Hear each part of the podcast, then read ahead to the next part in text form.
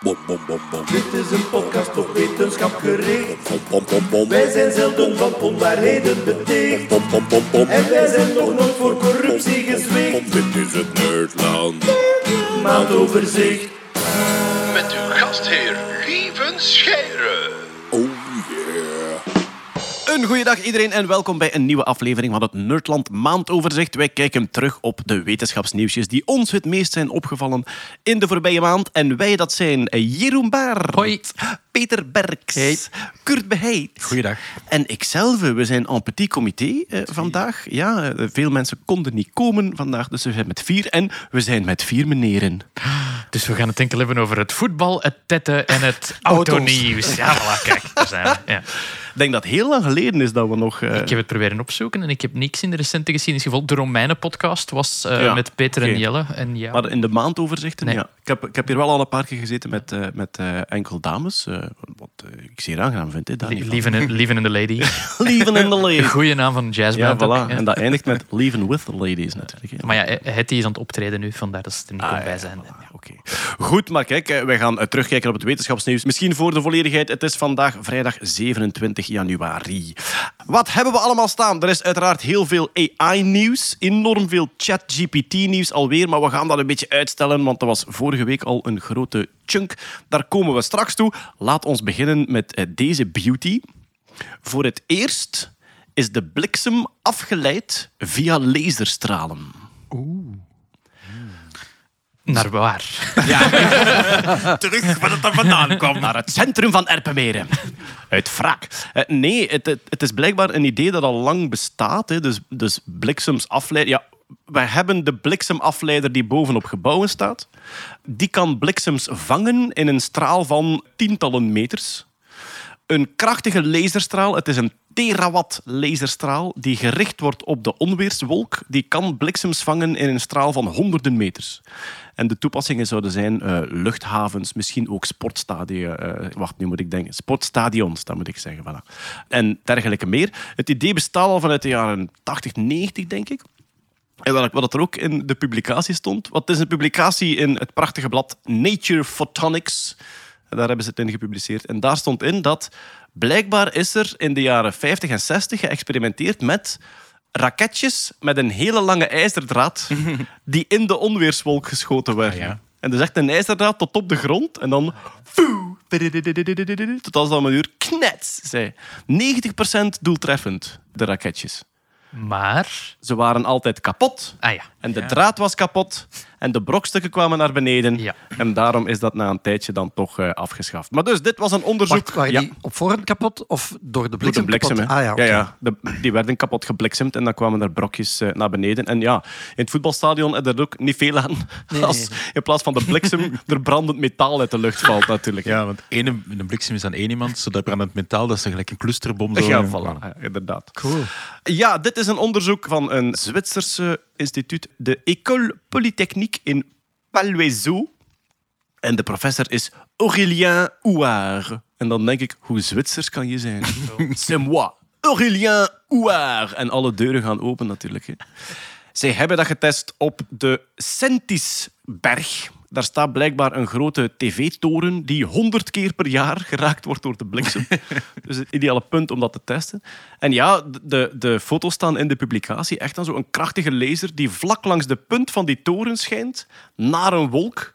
En dan je ziet de bliksem zo eh, een beetje ja, willekeurig door, door de hemel krioelen. En dan op een bepaald moment neemt hij dat pad van die bliksem en volgt hij dan naar beneden. Dus ja, wat, wat, wat gebeurt daar? De laser wordt gebruikt om de atomen in de lucht te ioniseren. Waardoor dat je een soort, Ionenkanaal krijgt. voilà, waardoor dat je een soort gemakkelijk pad krijgt. Bij minder weerstand. Dus, ja. Ja. Eh, Je maakt de lucht geleidend hè, door, de, Ja, door ja. de elektronen van de, van de atomen af te schieten bijna. Maar wat dat je zei, als je dat pad beschrijft van de bliksem die eerst zo een beetje horizontaal schuin gaat en dan ineens recht naar beneden, dat is eigenlijk bijna letterlijk een afgeleide dan. Ja, ja. Dus dat is niet alleen... Ja, Ja. Het is alsof dat je een kanaaltje gegraven hebt. Hè. Er, Ja, komt, maar- er komt een rivier langs en je denkt, we gaan dat hier even aftakken. Ja. Ja. Zeg maar, die bliksem die volgt dan de laserstraal terug naar waar dat die laserstraal eh, vertrok, Ja, hebben ze ja. dan daar geen problemen. Want ze Ah, van, oh shit, ons machine is kapot. Gelukkig, gelukkig hadden ze daarop geanticipeerd. Hè. Grote Dus rubberen handschoen. in de technische opleiding aan de École Polytechnique in Polwezo waren ze wel slim genoeg om te beseffen, wacht een keer, daar gaat er wel een kloever van een bliksem op onze apparatuur inslaan. dus ze hadden, die straal liep langs eigenlijk een afleider die dat dan, eh, die dat dan Dus meenam. een bliksemafleider, afleider. Ja, Ja, en dat was dan geen laser. Nee, dat was een metalen, een metalen ding. Wat is de moeilijkheid? De laser is zo krachtig dat die eh, piloten kan verblinden. En als je een luchthaven wil beveiligen, is dat iets wat je niet wil. Maar ze zeggen zelf van eigenlijk zijn er genoeg no-fly zones. De aanvliegroutes zijn zo duidelijk dat we dat in principe wel zouden kunnen. Maar dus het is, het is meer een proof of concept, maar het spreekt wel tot de verbeelding dat je met een hele krachtige laser een onweerswolk leeg tankt van de elektrische lading En die is daarin zit. onbeweeglijk, dus die blijft gewoon statisch naar E-punt richten. Of, of wordt die voortdurend... Ik eh, denk dat ze die kunnen richten, ja. cinema-beelden zo van vroeger. Ja, wel, ja. De Daar was ik aan Skytra- het denken, zo die ja. Skytracers Ja, van ja. vroeger, ja. Ik vraag me, want het, het eerste wat bij u opkomt als B-filmmaker is, kan je dat inzetten als wapen? Via Ja, een laser Ja, ja. de bliksem laten inslaan op de vijandige troepen, bijvoorbeeld. Maar dat is niet het doel van het onderzoek. Het is Vijandige- Zwitserland, ze zijn vijandige- super neutraal. Ah, ja, Vijandige ja. troepen hebben redelijk snel door als een gigantische laser vanuit uw, laser, vanuit uw leger vertrekt ook. Ja, maar En, ja, en ook, eh, zeg maar, het is zoveel terawatt. Wa- Wat met de vogeltjes, als ze dat aanzetten? Ik denk dat die als eh, gebraden kippetjes naar beneden komen. Maar ik denk persoonlijk dat er niet zoveel vogelverkeer is tijdens een onweer. Ik denk niet dat die dan in de lucht hangen. Dus, ehm, vermoed ik. Goed, kijk, wie het wil nalezen. Nature Photonics. We zetten de link natuurlijk ook in de show notes. En dan nog ander nieuws van op deze aarde. Het gaat over de koraalriffen, het Great Barrier Reef. Peter, dat is een soort, ja, dat is een soort vrees voor de gezondheid van koraalriffen. Ze zien dat die onder zoveel jaar... Ja, Dus wat ze noemen coral bleaching. ja, Dus je moet weten, een koraal dat zijn eigenlijk een soort polypjes. ja, Hè, dus heel erg verband met zeeanemonen. ja. En die maken een kalkskelet, dus waardoor je die grote, die grote opbouw krijgt van die, eh, die riffen. Want als we, als, we naden- als we denken aan de natuurdocumentaires, dan zien we ondiepe zee in Australië en daaronder echt zo'n soort organische groei van ja, maar het kalkstructuren. moet niet noodzakelijk een ondiepe zee zijn, want in de heel erg diepe zee, hè, dus echt de diepzee, vinden ze dus blijkbaar ook koralen. Maar dus heel, heel die kalkstructuur is Ja. gebouwd door miljoenen kleine polypjes die Ja. elk individueel En kalk die afzetten. dan inderdaad, en die voortbouwen op dus de kalkskeletten van Ja, ja, degenen ja. die daarvoor gestorven zijn. Ja. Dus daardoor worden die dingen zo groot. En het Nu- wordt te warm en dan, dan gaan die Ja, kapot. maar, Ja. maar het klopt, het wordt te warm. Niet alleen te warm, maar het wordt ook te zuur. Dus het, pH-waarde van de oceaan. Ja. Ja, het ding is, koraal is eigenlijk een, een, een, een polyp die in symbiose leeft met een alg. Dus al die kleuren die je bij die koralen ziet, zijn ten dele te wijten aan de algjes die in die dingen, in die beesten zitten. En wat bedoel je met in? Echt erin? Nee, echt in. Dus, ehm, Gelijk dat wij ons, onze darmflora hebben, hebben die algen in hun, Ja. in hun lijf zitten. Ja. Echt, ja. En hadden het er in de auto nog over. Symbiose is een samenwerking waarbij dat beide partijen er beter van afkomen. Ja. Tegenover een parasiet, dan is er één partij die er stevig van afziet. Voilà. En één partij dat ervan goed zo. Dank Goed je. opgelet. Opgelet in de auto, ja. Er is iemand leerkracht, precies. Ah ja, dat is waar, Peter. Je bent leerkracht middelbaar onderwijs geworden. Ja, sinds Proficiat. gisteren, dank u. En, eh, want ik, ik dacht dat jij alcohol stookte. Zoek je dan een nieuwe afzetmarkt? Of wat? eh? Eh, de mensen waar ik les aan moet geven zijn nog minderjarig, dus nee. Ah, maar die betalen Maar meer. de hè. leerkrachten misschien. Waarom zit waarom, waarom zo aan het knipogen, Peter? Ik snap het niet. Zit er iets in uw oog? Maar dus, eh, Ja, eh, er zit een stofje in mijn oog. jij waart parttime aan het werk. Ja. En door het lerarentekort, waar we veel van lezen in Klopt. de krant, zit jij dus echt als reservist opgeroepen Ja, bijna. Hè? ja, ja. Eigenlijk is Ja. het dat. Dat Ja, ze zeiden van, tijdelijk wel, hè. Tijdelijk wel. Tot aan de grote vakantie. wat geef Ehm, fysica. Halleluja! Het mooiste vak Ja, op het is wel een beetje buiten mijn comfortzone. Maar fijn, goed. Ja, oké. Het lukt wel. Middelbare Dus school. niet fysica. toegepaste biologie eigenlijk. Niet toegepaste biologie. Nee, nee, nee. Niet toegepaste chemie. Chemie, ja, en ja, biologie ja, ja, niet ja, ja, toegepaste... Ja. Ja. Nee, mijn zoon zegt chemie is fysica van de buitenste schil. Ah ja, in feite wel, ja. ja want alle, alles wat kleiner is dan een atoom is fysica. Alles wat groter is dan een atoom is ook fysica. En enkel dat atoom zelf en de, chemische buitenste, reacties, de buitenste ja. schil, Dus dat is dan, is dat de is dan eh. Fysica van de buitenste schil. Zeg, en goed. eh, hoe- Ja. hoe, hoe was het met die leerlingen voordat jij leerkracht werd? Eh, die hebben in dat geval, voor die twee klassen die ik had, al tot, vanaf half november geen les fysica meer gezien. Dat is rampzalig, hè? Ja, ja, dat is ook zo. Ja, en jij moet, jij moet dat nu inhalen. En ik eigenlijk. moet opsoppen nu. Voilà, bij deze een oproep aan Maar alle... met veel aan- plezier. Een Ja. oproep aan alle reservisten, hè. Eh, Ja, ja, ja. ja. richting middelbare school. Ja, absoluut. Het is Eh, nodig. Terug naar koraalbleaching. Ja, we, Ja, af. koraalbleaching. Ah, wel, ja, goed. Al gewonen in het Ja. polypje zelf. In het polypje. Dus een ander voorbeeld daarvan is korstmos. Dat is een schimmel en een alg. Dat is exact hetzelfde. Dus Ah, ja, een is symbiotische echt? relatie. Ja, ja, Ah. schimmel, alg en een bacterie. Eigenlijk zijn het er drie. Maar fijn, goed. Dus een kortmos is een kolonie eigenlijk. is een kolonie. Ja, ja, het zijn Ah. eigenlijk twee of drie organismen samen. Wel, wel. Ja. Maar wat is er nu aan het gebeuren? Door klimaatverandering warmt het water op. En doordat er te veel CO2 in de lucht zit, verzuurt het water. Eén, die beesten die kunnen geen kalk meer, of niet zo gemakkelijk kalk meer aanmaken. En twee, als het water te warm wordt, gaan de algen dood. En daar zijn, daar zijn zelfs, je, kun- je, je kunt die filmpjes zien, daar zijn versnelde opnames van, eh, dus van die timelapsen, dat je die, die algen ziet verdwijnen. Daar komen zo van die slierten uit dat koraal. En dan gaat die kleur weg en dan blijft er alleen zo een wit skelet op. De, eh, symbiotische, de symbiotische partner trekt uit het huis Die en, vertrekt, hè, die gaat dood. Die en vertrekt. je kunt niet meer overleven Nee, als en die polyp. polypen sterven dan. En dat heet dan coral bleaching. Dus je koraal bleekt. En als je, dan, als je die velden dan ziet, dan, waar dat dan ervoor eh, paars en rood en gele, weet ik veel welke kleuren allemaal zijn, na een tijd is dat gewoon wit. Misschien wat, wat ik ook altijd verduidelijkend vind over als de pH verandert van de oceaan, dus verzuring van de oceaan. Waarom is dat moeilijk voor kalkdieren? Ja, eh, wat doe je in het huishouden als je kalkvlekken wilt wegpoetsen? Dat Zuur, is azijn gebruiken. Ja, voilà. Dus azijn, azijn maakt, kalk, ja, maakt het, het afzetten van kalk veel moeilijker. En dat, is, dat, ja. en dat is altijd een evenwichtsreactie. Hè? Als Ja. dat naar de ene kant loopt, ja, dan, dan, eh, gaat het, dan gaat uw, ding, uw, kalk lost, uw kalk lost eigenlijk terug op in, de- in het water. Het nieuws van deze maand was, eh, ze zeiden van Wel, kijk, ja. dat, dat Great Barrier Reef, we zien dat fluctueren, we zien dat in de problemen komen en herstellen en misschien gaat het op een bepaald moment finaal gedaan zijn en we willen daarop voorbereid Ja, zijn. er zijn al verschillende golven geweest van coral bleaching. Dus dat is ergens in begin jaren 2000 ernstig, want dat was daarvoor heel lokaal wel eens. Maar sinds eh, begin jaren 2000 eh, eh, grotere plekken bezig. Niet alleen in het Great Barrier Reef, maar overal ter wereld gebeurt het. Maar ja, dat is zo een heel iconisch. Hè. Dus dat, dat zit eh, de kusten van Australië. Nemo Reef eigenlijk. Ja, ja, ja. En Eh, werelderfgoed? dat is- Of eh, een, ja, ja, een van het is de, UNESCO Werelderfgoed. een van de Ja, natuurlijke wereldwonderen, ja, denk ik. Het is 2300 kilometer lang. Het is een van de dingen die je vanuit de ruimte op aarde kunt zien. Wauw. Ja. Oké. En dat is zo'n iconisch eh, ding. Natuurlijk gaat daar enorm veel aandacht naartoe. Wat zijn ze nu een aantal jaren aan het proberen? Dus een van de, een van de technieken die ze doen is stukjes afbreken en die proberen in het labo eh, op te kweken en te vermenigvuldigen. Dat is, dat is één techniek. Want dat is het wonder daarvan. Eigenlijk, er landt één polypje op een goede ja, plek. en dat is maar een paar millimeter. Hè? en die doen aan ongeslachtelijke voortplantingen. Dus die kunnen Alle, zichzelf... alle twee. Ze kunnen ook geslachtelijk Ja, voilà. Maar dus die kunnen Ja. zichzelf splitsen en Ja. uitbreiden. En Ja. dus één, één kiem kan genoeg zijn om... Om er zo'n paar honderdduizend te maken. Is En, en hoe snel gaat dat dan? Dat gaat niet zo heel, heel snel. Dat gaat met, ik denk dat zo een koraalrif, maar nu moet, ik, nu moet ik gokken hoor. Ik denk met een paar centimeters per jaar groeit. Wat is, het is zoiets, een paar centimeter per jaar. Ja. Maar natuurlijk, dat gaat... Voilà, inderdaad. Ja, want ja. ja. een keer dat 2000 kilometer lang is, gaan heel die 2000 kilometer een paar centimeter bijgroeien. Ehm, en ze willen die nu bewaren voor de toekomst. Ze, ze zijn dus met verschillende technieken bezig om dat te eh, reconstrueren of dat te helpen. En nu, een van de dingen die ze nu aan het proberen zijn, is het invriezen.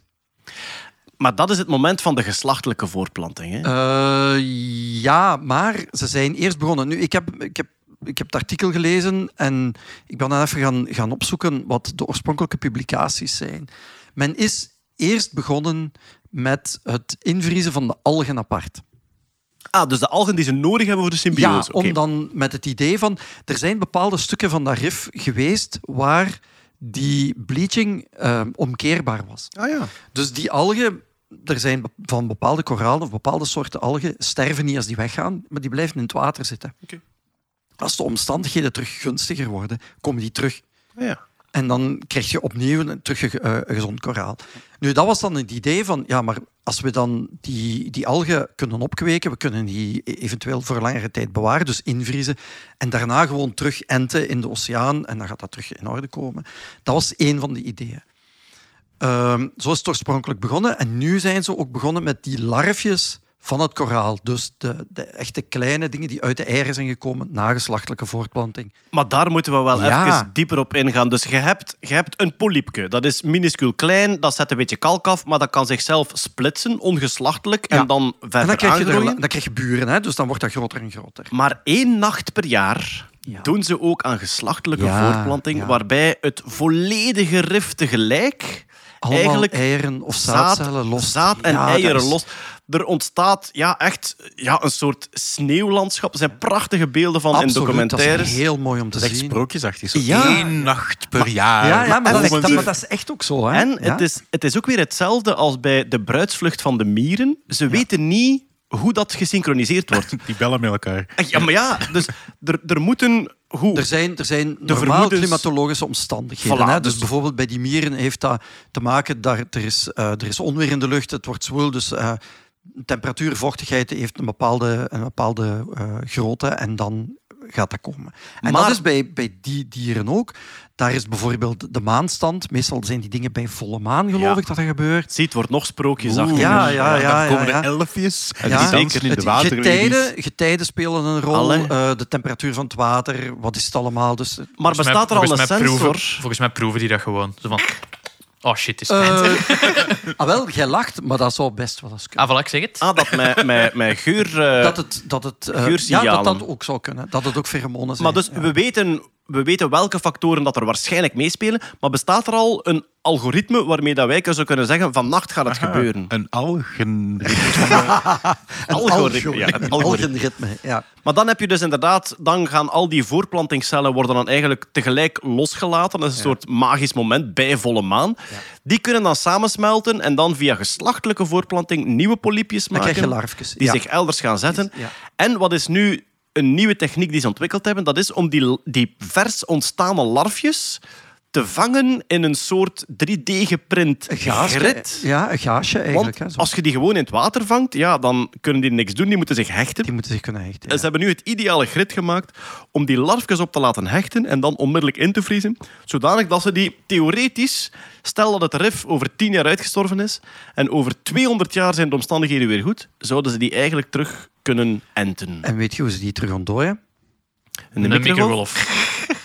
Met een laser. Is het echt? Ja.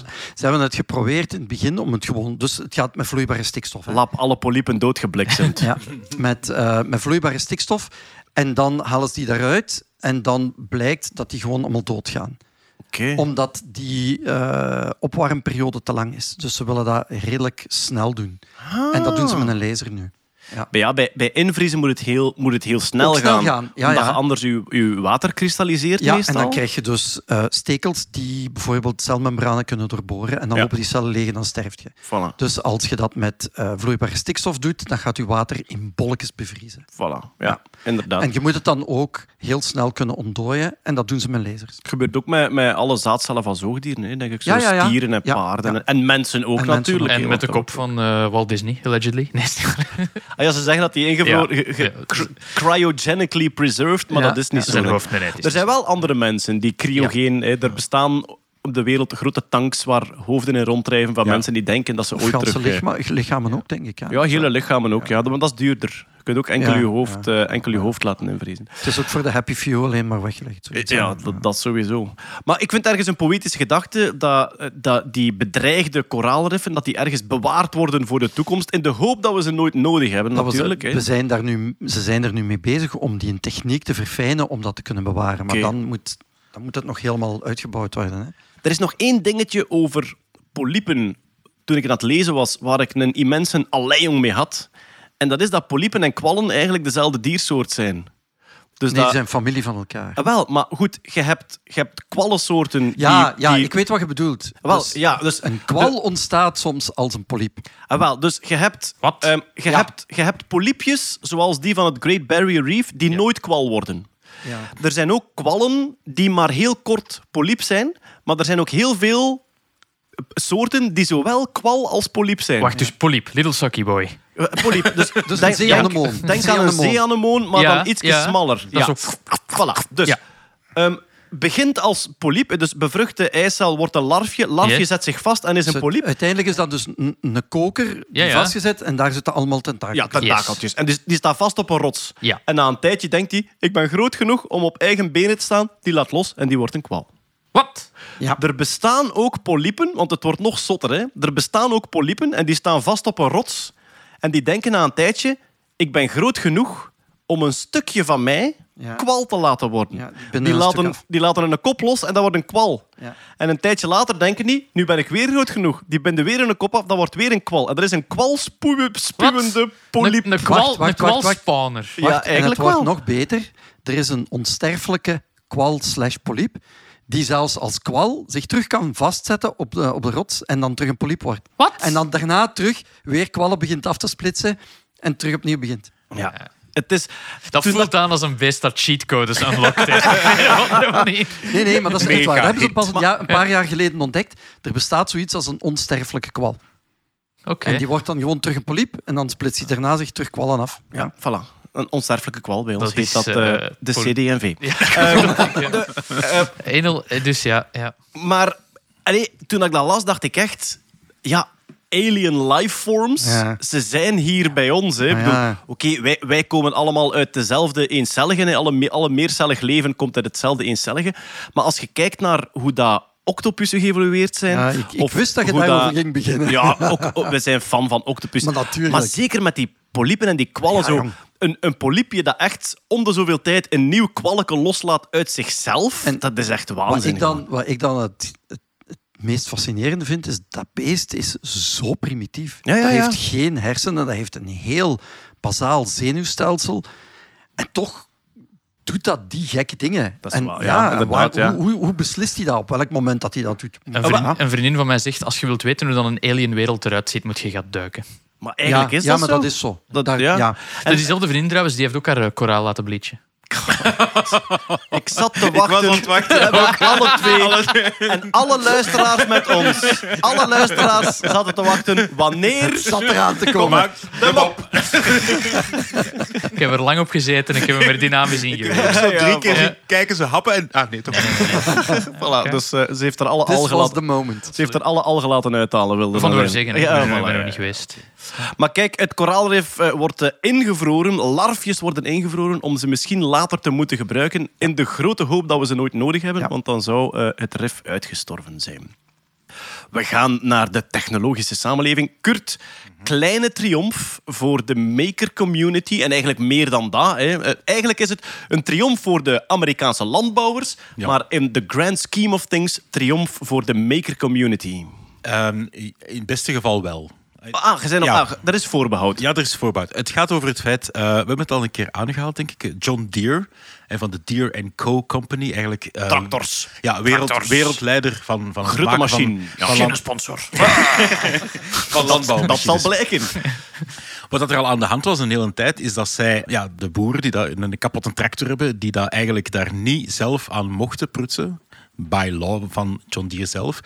Maar ook technisch werd het heel moeilijk gemaakt voor hen. Het was zelfs zo dat die tractors zo beveiligd waren dat als ze bepaalde dingen openvijsden, dat er sensoren afgingen en dat die gewoon eigenlijk gebrikt was. Dat die een tractor niet meer kon bewegen en dat die eigenlijk niet meer bruikbaar Dan hebben we was. het over hardware en software. Echt hardware en software. Dus software die dat detecteerde, er wordt aan mijn hardware gesleuteld. Ik ga niks niet meer doen. Totdat daar een gespecialiseerde ehm, maker van John Deere zelf met zijn computer dan even die sensor terug reset en dat ze terug mee konden gaan rijden. Maar dat is ook het feit dat een, in een tractor dat er zoveel software draait, Mhm. dat zelfs als je daar een hardware stukje uitvijst, dat dat gedetecteerd wordt. En dan dat dat bedrijf zegt, sorry, dat is hier van ons, we gaan dat van op afstand blokkeren tot als er Ja. een erkende controleur Het, ar- het argument van John Deere was altijd van ja, maar de veiligheid van onze toestellen Ah, en, en de uitstoot en blablabla. Het, was, het ging om geld Ja. uiteraard. En dan is er een hele tegenbeweging gekomen. De Right to Repair Act zit zo in de slipstream daarvan. Die gaat breder dan alleen maar de tractors natuurlijk. Maar bijvoorbeeld de American Farm Bureau Federation, eigenlijk de beroepsfederatie van de landbouwers, die heeft eigenlijk een, een De class- boerenbond. De afbef. Die heeft, die heeft een rechtszaak aangespannen tegen John Deere. Met als zeggen van, hey mannetjes, wij kopen dit toestel. Wij moeten dat zelf kunnen maken. Dat is iets wat ook bij de iPhone teruggekomen is. Het moment Ja. dat, je, dat, dat je het gekocht hebt, is het van nu Ja. en mocht je er eigenlijk Linux op laten draaien. Voilà, dat is die Right to Repair Act. Ja. ehm, die breder gaat dan in de tractoren. En daar is, nog altijd, er is ook een uitspraak over geweest. Eh, straks komt het even ook nog ter sprake. Ook een heel goed argument van die boeren was... Als ik drie dagen moet wachten op een eh, reparateur Ja. en mijn oogst moet op dat moment van het veld, Ja. dan is dat een financiële ramp. Ik vond, ik vond het heel leuk om te lezen dat van alle mensen die opeens Linux begonnen gebruiken, de boeren op het veld, had ik niet verwacht. Maar eh, Ik draai Linux op mijn John Deere. Dat is waar, maar, maar eh, los van het feit van economisch verlies, inderdaad van een oogst die nu binnen moet en ze kunnen niet binnen, binnen doen, is ook het argument van ja, die tractors, als dat ge, ge- ge- gelokt is, ja, dan is dat nog wel een extra argument om ik ga volledig routen, ik ga er volledig Ja, ja. mijn eigen systeem op zetten. Wat dat nog onveiliger is natuurlijk, want dan bypast je alle limitaties dat er zijn, bijvoorbeeld tegen snelheden of tegen uitstoot. Dat gaat hem ook en zo. Dus dat was ook een argument om te zeggen van kijk, geef ons de mogelijkheid om het binnen de wet te mogen repareren. Ah, dus eigenlijk wilden ze toegang binnen het John Deere systeem om zelf Ja. te kunnen aanpassen. Het gaat erom over- ja, ja. vooral over het feit dat ze eh, wisselstukken mochten kunnen eh, gebruiken en zelf mochten plaatsen. En twee, dat ze de diagnosetools vooral Ze mochten zelf- zelfs geen wisselstukken zetten? Nee, want op het moment dat ze er een vijs... Ik weet, niet, ik weet niet in detail, maar het was beveiligd. Als je er een bepaald ding uithaalde, ging het toestel gewoon in een lok en werd gewoon de toegang ontzegd. Nu, even, ik ben opgegroeid in een boerendorp. Vragen aan een landbouwer dat hij niet zelf zijn machines mag herstellen op hardwaregebied, hè, niet Ja. zelf het juiste ding mag inwijzen, Ja. dat is toch echt een beetje... Dat is inderdaad crimineel gewoon, ja, absoluut. En dus de, de, de, vraag was vooral van laat ons zelf dat doen. En concreet ging het over die wisselstukken en over de diagnosetools. En effectief dat we zelf een probleem kunnen vaststellen, zelf dat kunnen repareren. En als we weten van dit wisselstuk moeten we hebben, dat we er vrij aan kunnen geraken zonder dat we heel de omweg moeten doen via de, de plaatselijke, ah, niet de plaatselijke, maar de gelicensde retailers van John Deere. En dat hebben ze gewonnen. Ah, ze hebben het niet gewonnen, maar er is wel een soort compromis getekend. Er is een... ehm, Dus John Deere heeft een compromis getekend om, het niet, om niet veroordeeld te worden, eigenlijk. Ja. Ze hebben eigenlijk een overeenkomst getekend tussen langs John Deere langs de ene kant en de American Farm Bureau Federation langs de andere kant. Waarbij dat ze eigenlijk een beetje tegemoet gekomen zijn naar elkaars kant toe. John Deere die zegt, oké, we geven die wisselstukken, we geven die documentatie, we geven de data op een eerlijke manier. En de Boerenbond die dat dan zeggen, oké, we gaan ons houden aan de wetgeving om de tractoren niet op te drijven en niet te zorgen dat ze meer uitstoten wat dat zou mogen zijn. En safety protocols wel te respecteren. Ja. Dus een beetje de goede, goede middenweg, wat dat oké is. hè, Iedereen was ermee akkoord. Maar wat blijkt nu, dat ze dat toch, ja, achteraf, dat het toch niet voldoende zou zijn. Dat is ook Voor de landbouwers dan? Voor de landbouwers dan. Omdat er een aantal grote landbouwstaten, bijvoorbeeld Montana, Nebraska en Missouri, die waren al verder aan het gaan in die right to repair. Die wouden zelfs verder gaan. En die voelen zich van, ja, we hebben nu dit bereikt, dus wij gaan nu ook niet meer verder kunnen om nog meer te eisen van onze right to repair. Tja, het is wel gek dat het grote commerciële bedrijf blijkbaar de beste advocaten had van de twee. Hoe zou dat komen? Dat is dat, raar. dat gaat hen dier te... Ah. Ik vind hem Gaat hem bijna, maar Ja. eh, nee. Ja, en het probleem, er zijn nog twee extra problemen. Het is nog altijd, ze hebben nog altijd die proprietaire stukken nodig. Hè. Proprietair is eigenlijk het tegenovergestelde van open source. Dus ze kunnen nog altijd niet hun eigen hardware erin steken. Officieel John Deere ja, het moeten allemaal Ja. officiële wisselstukken van John Deere nog altijd zijn. Dus ja, daar zit inderdaad nog altijd een zeker businessmodel. Ehm, het is niet binnen uiteraard. En de kleine lettertjes zeggen dat het alleen van toepassing is op materiaal verkocht na 1 juli 2023. Oh dear. Ah. Die grote Deere. Dus het is alleen maar voor de toekomst. Dus Oké, dat is zo, ja. veel kleine letters die, Ja. die het weer eh, een beetje vergald hebben. Maar het past in een beetje de algemene strijd, right to repair. En ik Absoluut, denk ja. dat de, de Biden-administration zelfs werkt aan een right to repair act, Ja, die, die ook is- over smartphones gaat en zo. Hè? Die right to repair, die daar eind vorig jaar getekend Ja. is geweest. We hebben het erover gehad in de podcast Ja, en ik zal er naar linken. Ah, voilà. Ja, voilà. Kijk, ja. Ehm, voilà. Dus een nieuwe strijd in het right to repair, de John Deere tractoren. En ehm, eh, all power to the nerdboer. Die zelf, ja, eh, natuurlijk, toch- die zelf knutselt en die, allee, die, die het zelf wil kunnen Boeren en repareren. Linux. Ja, boeren en Linux. Ja. Ideaal.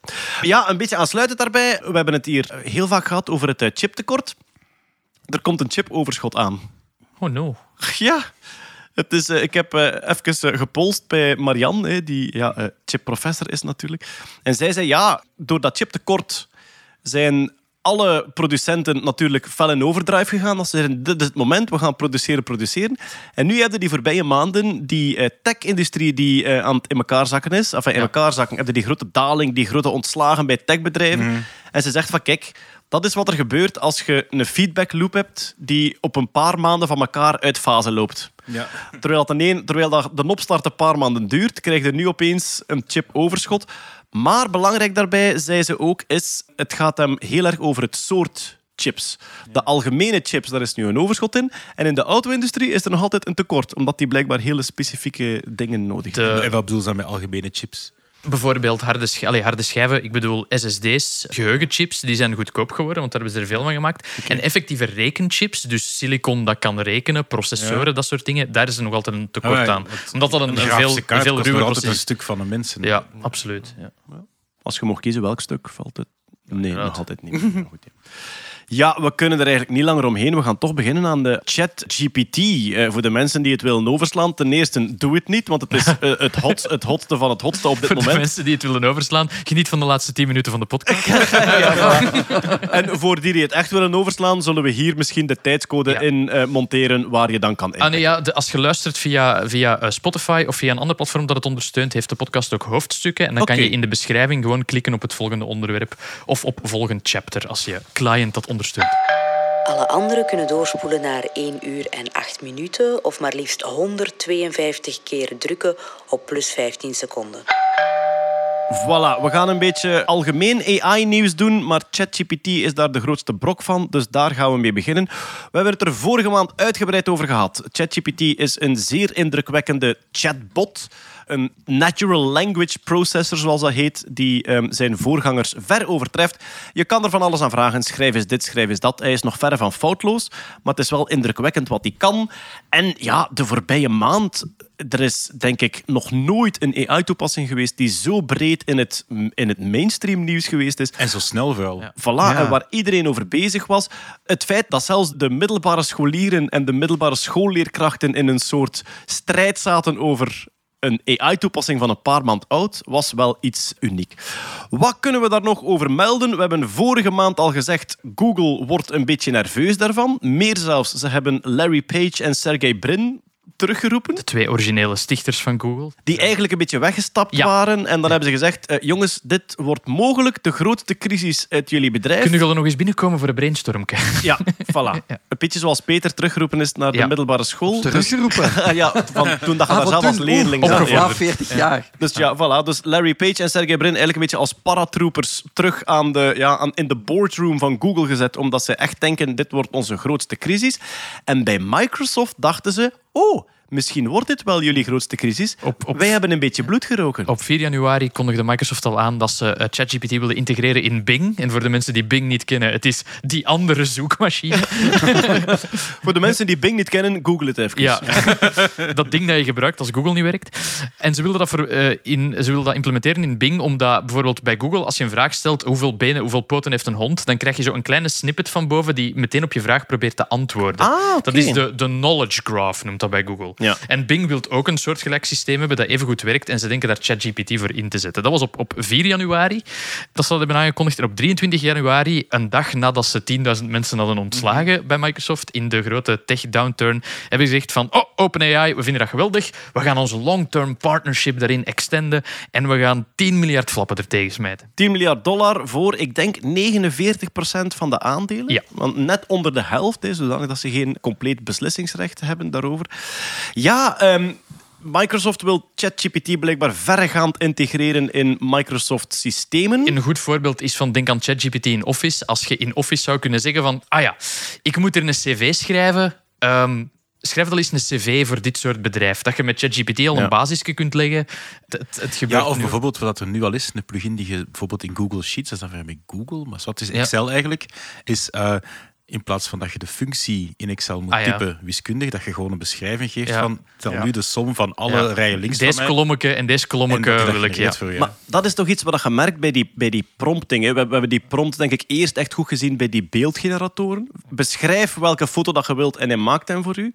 Nu ook bij die tekstgeneratoren. Je beschrijft welk soort brief dat je wilt en gelijk wat. Het lijkt mij logisch dat dingen als spreadsheets, maar ook een website bouwen. Dat je gewoon zegt, kun je deze foto een beetje wazig op de achtergrond zetten en dat die dat snapt en dat uitvoert voor u. En dat je zoiets wilt integreren in een systeem als Microsoft, dat lijkt mij nogal logisch. Ja, en de volgende stap is, een niet zo logische, een heel logische volgende stap is dat je het niet meer tipt, hè, maar dat je het gewoon zegt tegen Oh je ja, voilà. Ja. En de volgende stap is dat je denkt. En de volgende stap is dat je danst. En, sorry.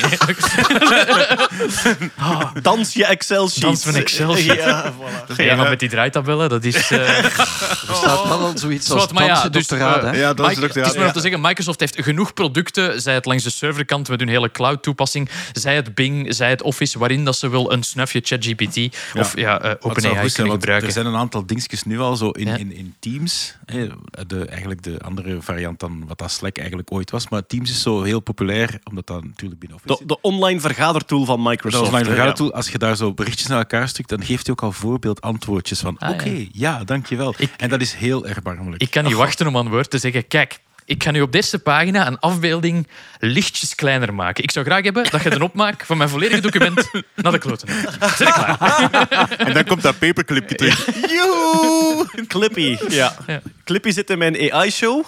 En op het moment dat Microsoft aankondigde dat ze ja, die aandelen kochten van OpenAI, heeft de Lecter ook de cartoon Ah, ja. gemaakt met Clippy. Dus blijkbaar als het over AI gaat en Microsoft... Clippy. Ja, dat was toch de iedereen eerste poging was- om... die arrogante paperclip die zo tegen, u, tegen uw venster... Toek, toek, Dat is, voor, dat is voor mij mijn sterrenbeeld. Welke assistent gebruikt? Want ik was persoonlijk de plasticine Einstein. Als Ah, ik ja. gebruikte in de Ah, ja. dingen. Hij Ja. had een hondje, had een hondje. Een hondje. Ik had- had je ook. Je gaat de tovenaar, je gaat ook het botsende rode balken. Ik was Allee, de dat, zegt, dat zegt mij veel over uw persoonlijkheid, welke dingen dat je toen koos. Dat is uw cold reading Absoluut, tool. ja, ja. Als je bij Clippy maar- blijft, saai. Dat is ook maar 1% van de gebruikers die dat dacht, hoe kan ik dat veranderen? Of wat? Ah, ja, tuurlijk. Zoals bij alles, bij dat soort toepassingen. De standaard toepassing staat overal op.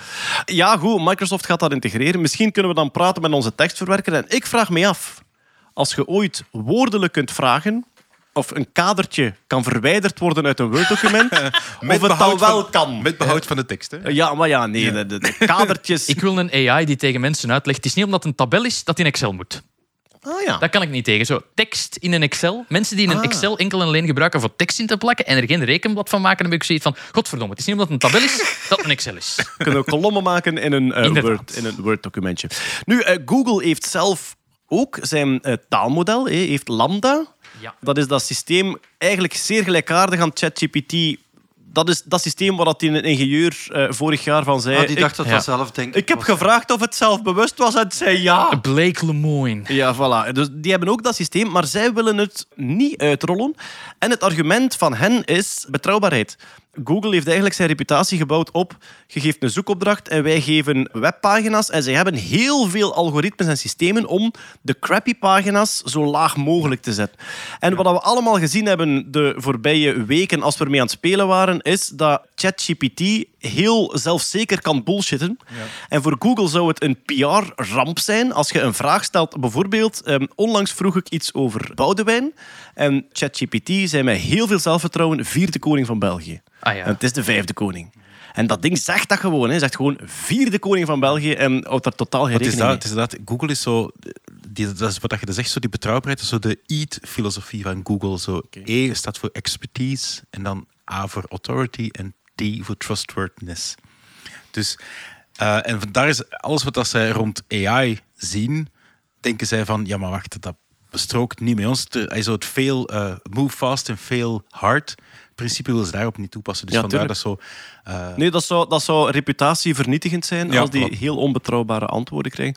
Microsoft... Terwijl, eh, terwijl Bing heeft helemaal geen ja, voilà, inderdaad. Maar ja, er zit een kern van waarheid in dat die zeggen van wat hebben wij te verspelen? Die 30 werknemers die we verplichten om te bingen. Nog ChatGPT-nieuws. Ja, je kan er van alles aan vragen. Zoals bijvoorbeeld, schrijf eens een songtekst in de stijl van Nick Cave. Alle fans van Nick Cave vonden dat een super tof trucje, waardoor dan Nick Cave bestookt werd met allemaal AI-gegenereerde teksten. Van ze, kijk eens in uw stijl. En ehm, hij was het duidelijk een beetje beu. En hij heeft op zijn persoonlijke blog, denk ik, heeft Ja. hij een soort Nick Cave heeft rant een nieuwsbrief en iemand had hem een tekst gestuurd van hey Nick, ik heb dit in ChatGPT gegeven, schrijf een song in de stijl van Nick Cave en daar kwam dit uit. In the depths of the night, I hear a call. Hall. A voice that echoes through the hall. It's a siren song that pulls me in. Takes me to a place where I can't begin. En hij zegt tegen Nick Cave... Dat klinkt wel heel hard als Nick Cave. Het hè. refrein vooral. I am the sinner, I am the saint, I am the darkness, I am the light, I am the hunter, I am the prey, I am the devil, I am the savior. Maar die Dus- zit met een identiteitscrisis. Ja. ja. wel, maar dus eh, eh, donkere thema's, eh, herhalingen Nick, enzovoort. Nick Cave heeft zwaar gezucht en teruggeschreven... Mijn god, je bent een duizendste dat aan mij stuurt. en dan heeft hij gezegd van ja, ChatGPT is a travesty. Hij vindt het verschrikkelijk. Want wat dat eigenlijk zegt, en dat komt uit een soort van auteursorigine, zegt van telkens als ik een song schrijf, pleeg ik een beetje zelfmoord. En wat deze machine doet, is gewoon repliceren, uitbraken. Dus hij, hij hangt er zo'n heel artistieke flow aan. Ja, en eh, Nick Cave was, was er Hij niet... zei, niet te- eh, songtest, songteksten worden geschreven op basis van verdriet en Ja. pijn. Hè? Ri- Writing a good song is not mimicry, is not replication or pastiche. It is the opposite. It is an act of self-murder that destroys all one has strived to produce. Ik heb zijn tekst gelezen en ik had dubbele gevoelens. Enerzijds ben ik het voor een groot stuk met hem eens, omdat wat er eigenlijk gebeurd is, ChatGPT vindt patronen in Nick Cave-teksten en dat gaat dan vaak over, zoals bijvoorbeeld... een- Duisternis, ja. En een, een opsomming van substantieven. I am the sinner, I am this. En tegenstellingen. En die ziet patronen en die kopieert dat. En voor, ja, als je zelf tekstschrijver zijt en je hebt daar heel veel betekenis in gelegd en al die woorden komen ergens van iets heel diep persoonlijk en dan zie je dat een beetje oppervlakkig structureel gekopieerd. En als je dat duizend keer doorgestuurd wordt, ik, voor mijzelf had ik de vergelijking met je bent een topchef in de keuken die nieuwe recepten ontwikkelt en die hele verfijnde smaken ontwikkelt en duizend keer op een maand krijg je een hamburger van een fastfoodketen zie, dit is in de stijl van de cave en dan denk je van ja, deze slappe hap met een zwetende agurk moet je niet vergelijken met wat ik Ik doe. denk ook dat veel van Nick Cave zijn teksten, die man heeft wel wat tragedie en miserie meegemaakt. Ik denk Zeker. zijn overleden zoon en dit en dat. Ja. Voilà, ja. Dus ik denk dat dat ook, als ze u dan raken en zeggen ja. van kijk, waar dat jij En uw ziel hebt ingegoten. Voilà, ja. Maar mijn tegenbedenking was, de reden waarom dat mensen zo onder de indruk zijn van die Nick Cave-structuur is... Ja, Nick Cave is natuurlijk een complexe artiest die, die heel veel in zijn teksten legt, waarvan, en daar moeten we eerlijk over zijn, bij een groot deel van de fans alleen de oppervlakte binnenkomt. Ja. Net omdat het zo complex is en omdat het soms wat ondergrondelijk is. Dus als je dan een fan hebt die in een oppervlakkige imitatie voor een groot stuk de enige oppervlakte herkent die hij meekrijgt in het meezingen met die teksten, ja, dan krijg je, dan krijg je dat systeem. En dus ik was het volledig eens met zijn principe van het, het is een mimicry, hè, letterlijk zelfs. Het is een gekopieerd patroon. Maar dan die hele, die hele diepgang van eh, de, de, de ziel en de self-torment. En dan ook een beetje, want op het einde drukt hij een soort chat-GPT-haat uit. Dat ik denk van, oké Nick, ze hoeven er absoluut geen slappe hamburgers mee te bakken van iets waar dat jij je ziel in legt.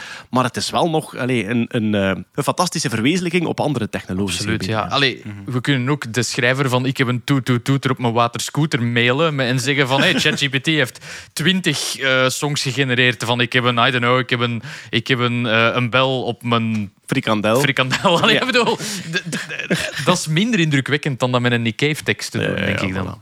Maar dus inderdaad, ChatGPT is een trucje en je kan dat dingen laten genereren en af en toe gaat er een zin uitkomen waar dat je betekenis in kunt zien.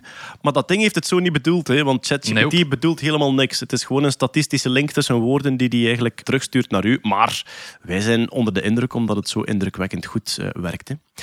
We gaan toch eens moeten praten over ChatGPT en het onderwijs, want ehm, Nee. Eh, ik speel Nu een... een leerkracht aan tafel. Maar ja, eh, ja, een kerstvers leerkracht, inderdaad. Peter, ik speel nu mijn AI-voorstelling, ik ben op tournee. Ik vertel daar, dus ik maak daar eigenlijk een beetje een mopje van. Ik laat ChatGPT een opstel schrijven over gelijk welk thema. Franse revolutie, Napoleon, Boudewijn bijvoorbeeld. En dat ziet er dan indrukwekkend uit. En ehm, ik merk nu dat tegenover een maand geleden, toen dat de jongeren in het publiek echt nog onder de indruk waren, ik vraag me af of dat er nog middelbare scholieren in België zijn die het niet kennen. Het is zo Zal ik het eens vragen volgende week? ja, het is zodanig verspreid en het wordt ook echt gebruikt. Want ze komen tegen mij vertellen, ik heb een stuk van mijn taak gemaakt met ChatGPT. En dan gebeurt, sinds twee weken gebeurt het omgekeerde. Leerkrachten die ongerust zijn. En leerkrachten die zeggen, we weten nu dat bestaat. Eh, wat kunnen we er tegen doen? En er was een leerkracht Nederlands en die zei van ja, Ik heb echt een gesprek gehad met mijn klas van kijk, dit is een schrijftaak. Je krijgt verschillende soorten taken, maar deze taak voor Nederlands is specifiek bedoeld zodanig dat ik kan inschatten of dat jij in staat bent tot vlot taalgebruik. Als je het hier gebruikt, dan heeft dit geen zin. Ja. Dus alsjeblieft, doe wat ik zeg. Ja, voilà. Iets wat dat in de middelbare school altijd geweldig was. Ja, nee, bij, Mij, bij mij persoonlijk, als ik in het middelbaar zat, dan hielp het wel enorm Ja. als ze zeiden, doe wat ik zeg, want hier is er een logische reden voor. Want meestal volgde dat tweede stuk niet. en ja. daar werd ik dan balorig van natuurlijk, met alle gevolgen van dien. Maar, wat wil ik eigenlijk zeggen? Beste leerkrachten, er bestaat software, gratis software, waarmee je teksten kan analyseren en die geven u het antwoord, is dit geschreven door een mens of door een AI-systeem? Eh, waarom, Voorlopig. Ja, waarom werken die vorige systemen, die, die vorige plagiaatsystemen, die gingen stukken tekst opzoeken op het internet, maar die AI-teksten zijn nieuw, dus die staan nog niet op het internet. Als je zo een softwaresysteem zoekt, je kan ofwel gewoon googlen op Detect GPT en dan krijg je een hele hoop mogelijkheden. Ofwel ga je gewoon naar de website cheatgpt.ai. Dus in plaats van ChatGPT ga je naar cheatgpt.ai en dat is, ik denk dat het een Belgische copywriter is die heel veel advies geeft over niet alleen hoe kan je detecteren, maar ook hoe kan je samenwerken met GPT-systemen. En een van zijn posts is hoe kan ik detecteren of het een mens of een eh, robot is. Eh voilà, hier, Jeroen is er net op beland. En daar staat een lijstje van een paar dingetjes. Ja, DetectGPT is een plugin die je in Chrome kunt installeren. En die gaat gewoon van een tekst op een website direct zeggen dat is AI of niet. Een andere is Content at Scale. Content at Scale is een website waarop dat je gewoon een stuk tekst kan kopiëren en dan vragen analyseer het eens. En eh, speciaal voor jullie heb ik het al eens uitgetest. Dus wat heb ik gedaan deze namiddag? Ik heb een opstel laten schrijven over de Franse revolutie door ChatGPT. Ik heb die tekst gekopieerd en geplakt in Content at Scale en gevraagd mens of AI. En hij zei 100% zeker door een mens geschreven. Bummer. Toen dacht ik, oei, dat marcheert hier niet. En toen bedacht ik plots, die website staat in het Engels. En als je er een Nederlandse tekst in plakt, dan denkt hij, dit zijn allemaal gekke woorden die ik nog nooit gezien heb. Dat moet wel. wel door Ja. een mens verzonnen zijn. Dus dacht ik, oké, misschien werkt het wel als ik het eerst door Google Translate haal. En wat blijkt? Dan zegt hij 100% AI-tekst. Dus het is een beetje een... een, een eh, ja. Misschien moet er iemand een scriptje schrijven. Hè? Ja, En ik kijk niet naar Kurt, maar goed. Dus dat je een Nederlandse tekst moet je eerst met Google Translator omzetten in een Engelse tekst. En dan kunt je hem op die website controleren. En dan zegt hij u of die door een mens geschreven is of door een. Gebruik die website AI om dat te detecteren. Die Want- wordt getraind, ja, tuurlijk. Ja, Ja. die wordt getraind op GPT-teksten. Meer zelfs, telkens als er een nieuwe versie komt. Hè, dus als GPT-4 uitkomt, dan gaan ze die moeten hertrainen. Omdat die er weer anders gaat uitzien. maar dus eigenlijk wat dat die gebruikt is... ehm, hey, ChatGPT werkt met een predictiemodel. Dus die gaat eigenlijk op basis van een woord en alle voorgaande woorden gaat die, ehm, gokken wat het beste volgende woord is. Wat is het meest logische Het volgende meest logische woord? volgende woord. En doet die woord, woord, woord naar elkaar en onthoudt en zo verder. Ja, die detecties doen net hetzelfde. Die gaan eigenlijk kijken van, oké, als Ja. ik dat zou gedaan hebben, wat is dan de kans dat het volgende woord wat dat in deze tekst, wat ik nu binnenkrijg, effectief het volgende woord is wat ik zelf zou voorspellen als systeem. Hoe waarschijnlijk Hoe is de waarschijnlijk is dat, opeenvolging ja. van de woorden? En bijvoorbeeld ehm, GPT-Zero geeft u een uitkomst van ieder woord met een rood of een groen kleurtje. Van, is dit nu een woord wat ik zelf zou gekozen hebben of niet? Ja. En ja, als het meer groene zijn dan rode, dan denkt hij, ah ja, maar dit is door een AI-systeem voorspeld. Dus dit is een tekst gegenereerd door AI. Dus komt het erop neer om x aantal woorden te veranderen en klaar. Dus dat bedoel ik met het feit van dat voorlopig, omdat het is een AI, het is een kat-en-muisspel. wordt het op den Natuurlijk. Het ene gaat het andere. Ook als leerling kun je nu een, een stuk van je tekst door ChatGPT laten maken en het Ja. aanpassen en het zelf Voilà, ja. controleren of het nog detecteerbaar is. Ben ik nu mis als ik denk dat ik een paar weken terug of vorige week een ding heb gezien dat je al websites hebt waarbij je zo een AI-gegenereerde content kunt uploaden en die herschrijft dat zodat het meer lijkt op iets wat door mensen Ah, geschreven exact. is. Dus Dat die gaat zou proberen die kunnen. voorspelling Ja. er een beetje uit te halen. Ja, dat zou dus dat kunnen. bestaat ook al. Maar het is, het is natuurlijk moeilijk voor een AI-systeem om zeer onvoorspelbaar te zijn. Want Ja, dat, ja, is, ja, oké. dat is hetgeen Maar- waar dat ze op getraind zijn. Ja. Nu, wat aan mijn bedenking was van... Oké, het is terug een, beetje, terug een beetje met gelijke wapens. Want de leerkrachten kunnen het nu detecteren. Als ik terugdenk aan mijn middelbare school... En goed, er zijn 30 jaar voorbij, dus er zal wel een en ander veranderd zijn. Heel vaak was de reflex vanuit de leraarskamer was repressie. we hebben nu de tools, nu gaan we u betrappen en straffen. Terwijl ik denk, is dit niet het moment om daar het in groep daarover te hebben? Wanneer is ChatGPT nuttig en wanneer niet? Want ik Ja. merk dan ook zo'n soort vijandschap. Dit mogen ze nooit of nooit gebruiken. Terwijl wat je ook vindt op die website eh, cheatgpt.ai, dat zijn professionals, dat zijn professionele copywriters die zich niet laten vervangen, maar die zich laten assisteren door die schrijfsystemen. Absoluut, ja. Dus ik denk dat het, ik denk dat het voor een klas dat het een zeer nuttige oefening kan zijn om ook bepaalde dingen expliciet in samenwerking Absoluut, met GPT te maken, omdat ze daar dan ook de fouten moeten uithalen die het nog steeds Voilà. maakt. En dat je dan ook duidelijk kunt maken, bij deze taken mag je het absoluut niet gebruiken, want daar moet ik uw eigen schrijven kunnen Ik heb, beoordelen. ik heb u daarnet een WhatsAppje gestuurd, want ik had voordat de podcast begon ehm, een vraagstukje ingetypt wat ik vandaag bij de les fysica in het vierde jaar ga het even vernoemen, hè, Spectrum College Beringen. Hm? Big up, Spectrum College Shout-out. Beringen. Shout-out. Geen sponsor. Nee, ja, dat is even... Hè. Eastside, Limburg. Maar dus in, eh, in, de, in de klas van het vierde, die zagen nu ideale gaswetten. En ik heb daar een vraagstukje gegeven vandaag, dat we samen klassikaal opgelost hebben. Ik heb diezelfde, exact dezelfde vraag nu gesteld aan ChatGPT. En gezegd, geef mij de oplossing met de tussenstappen. En hij gaat complete mist in. Is het echt? Ja, ik vraag een cilinder met diameter 4 meter. Hij pakt gewoon dat als straal om dan de inhoud te... Maar Dus voor, dat voor, is al één. voor technische opdrachten is het heel moeilijk. ja, voor dus- taalopdrachten is het wat beter. maar het is dat, ik denk dat wat je er net zei, van gebruik het als een tool. Ik bedoel, een vriendin van mij die is eh, marketingverantwoordelijke bij een of andere eh, Antwerpse school, hogeschool. Die niet sponsort ook. Die sponsort, die ze vermelden we niet. Ehm, en die was tekstjes voor de website aan het schrijven. En die vroeg gewoon aan ChatGPT, beschrijf deze, wat zou jij een toffe tekst vinden voor deze opleiding?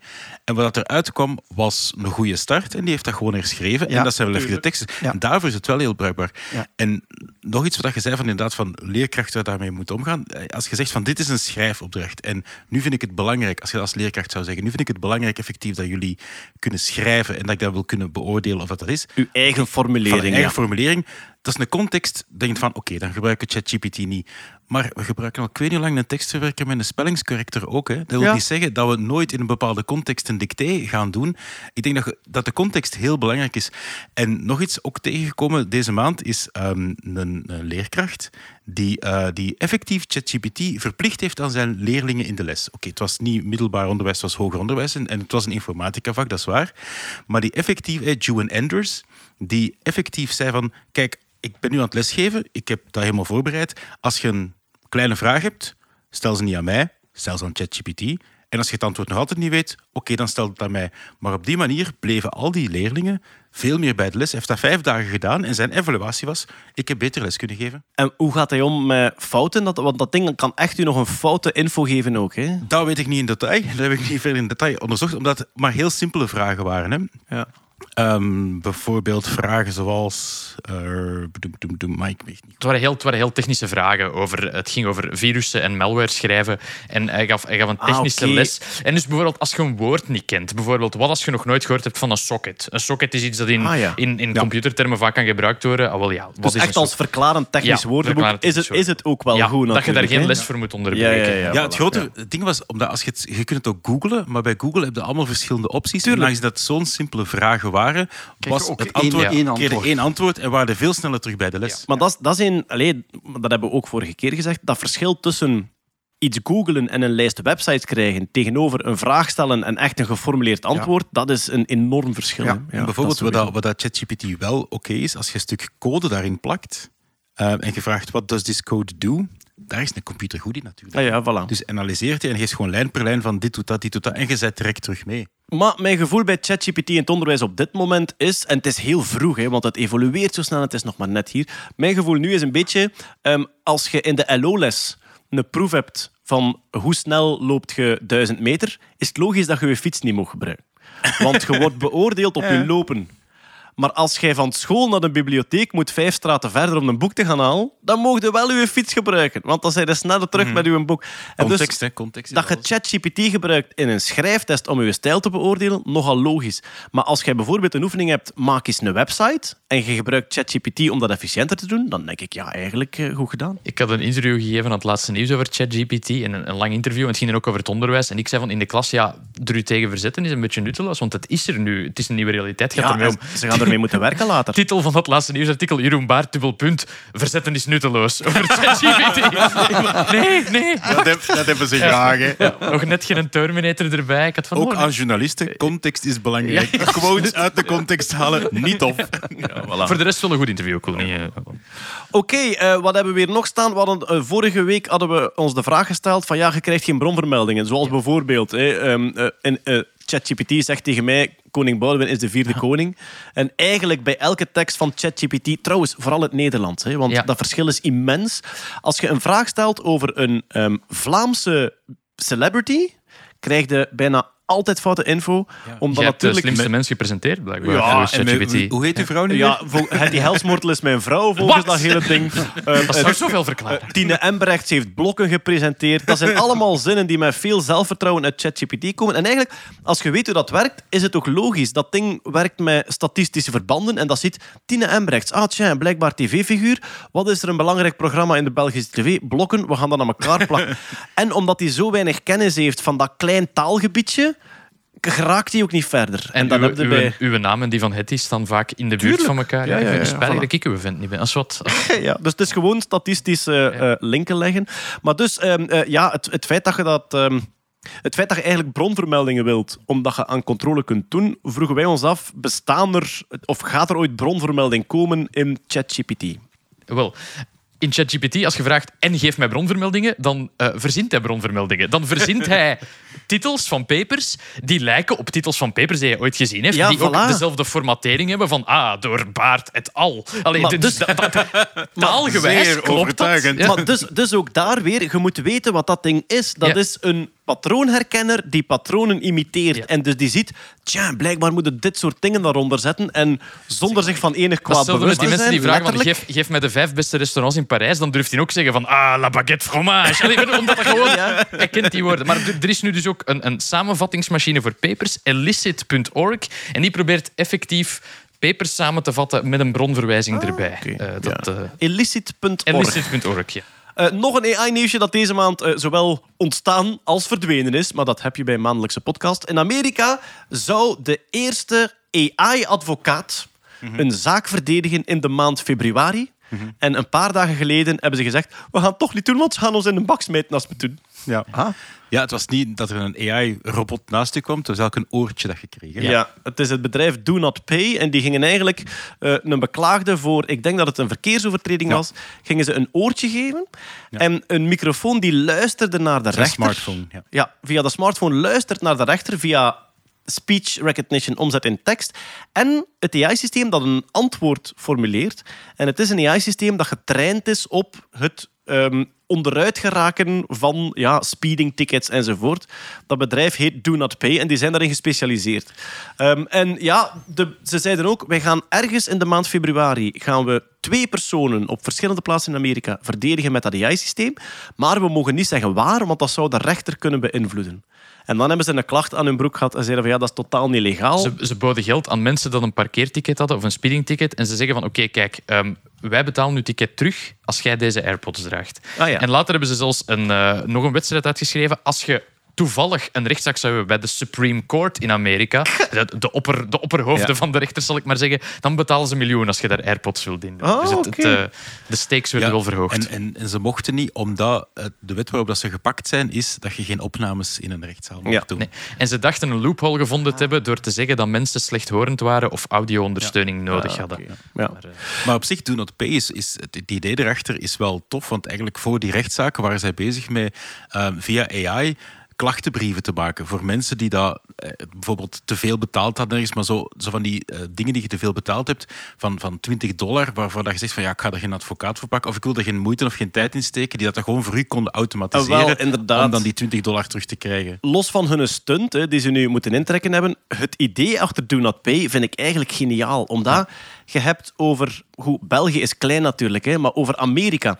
Over heel Amerika hebben je tienduizenden klanten die hetzelfde probleem kunnen hebben met een provider, met een energieleverancier enzovoort. En die allemaal denken, voor die 15 euro steek ik er mijn tijd niet in. En dus wat is de filosofie van Do Not Pay? Wij automatiseren het. Want de bedrijven maken het u expres moeilijk om iets op te zeggen. Om, als je een abonnement wilt aangaan, online, met drie klikken zijn er vanaf. Als je het wilt opzeggen, dan moet je via moet je een telefoonnummer Op naar een dinsdagavond e-mail. tussen Voilà, 7 en 8 inderdaad, ja. in een kelder. En Ja. dus wat zeiden zij van, oké, die procedure is voor alle klanten hetzelfde. Wij automatiseren dat en wij doen dat wel voor u. Want wij weten hoe dat moet. En die hebben dus, die hebben dus voor een hele waslijst aan Amerikaanse bedrijven, hebben die allemaal procedures waar dat je heel gebruiksvriendelijk in hun website zegt, ik wil dit doen. En zij doen heel het ingewikkeld parcours voor u, want dat hebben ze voor u uitgezocht. Zelfs nog, nog Amerikaanser. In Amerika durven mensen elkaar al wel eens suwen van ik klaag u aan. Dat is de schering en inslag. Uh, Do Not Pay heeft een chatbot die dat u ondervraagt over oké, wie wil dat aanklagen? Ah ja, en wat heeft hij gedaan? En die maakt voor u de documenten. Die schrijft voor u een script wat dat je moet zeggen als je die documenten gaat afgeven. Dus die doet eigenlijk het hele werk dat een advocaat voor u zou doen. En dan kun je iemand aanklagen. Maar dat is hè, zo heel, heel, dat, heel dat formele van... Je moet al die documenten door en je moet daar drie keer je adres invullen Ah, en, er je geboortedatum. datum op staan. Ja. En dat, ja, al die boilerplate shit. Dat, eh, Voilà, ja. dat, dat automatiseert hij. Dus ik vind dat heel slim als bedrijf. En goed, hun stunt is eigenlijk ook geslaagd, want er wordt overal gebabbeld over, Mhm. over Do Not Pay. In Vlaanderen bestaat dat niet, omdat ja, ons, denk wij zijn te klein om onze klantenservice dingen eh, te automatiseren. En daar ook... Veel klantenserviceproblemen. Oh, maar dat is zeker, ja, absoluut. Ja, voilà. Goed, wat hebben we nog? We konden al vanuit prompt een afbeelding laten maken. Dus een prompt is gewoon, je zegt wat je wil. Teken mij eens een hond met een hoed op die een dansje doet en in de stijl van Van Gogh.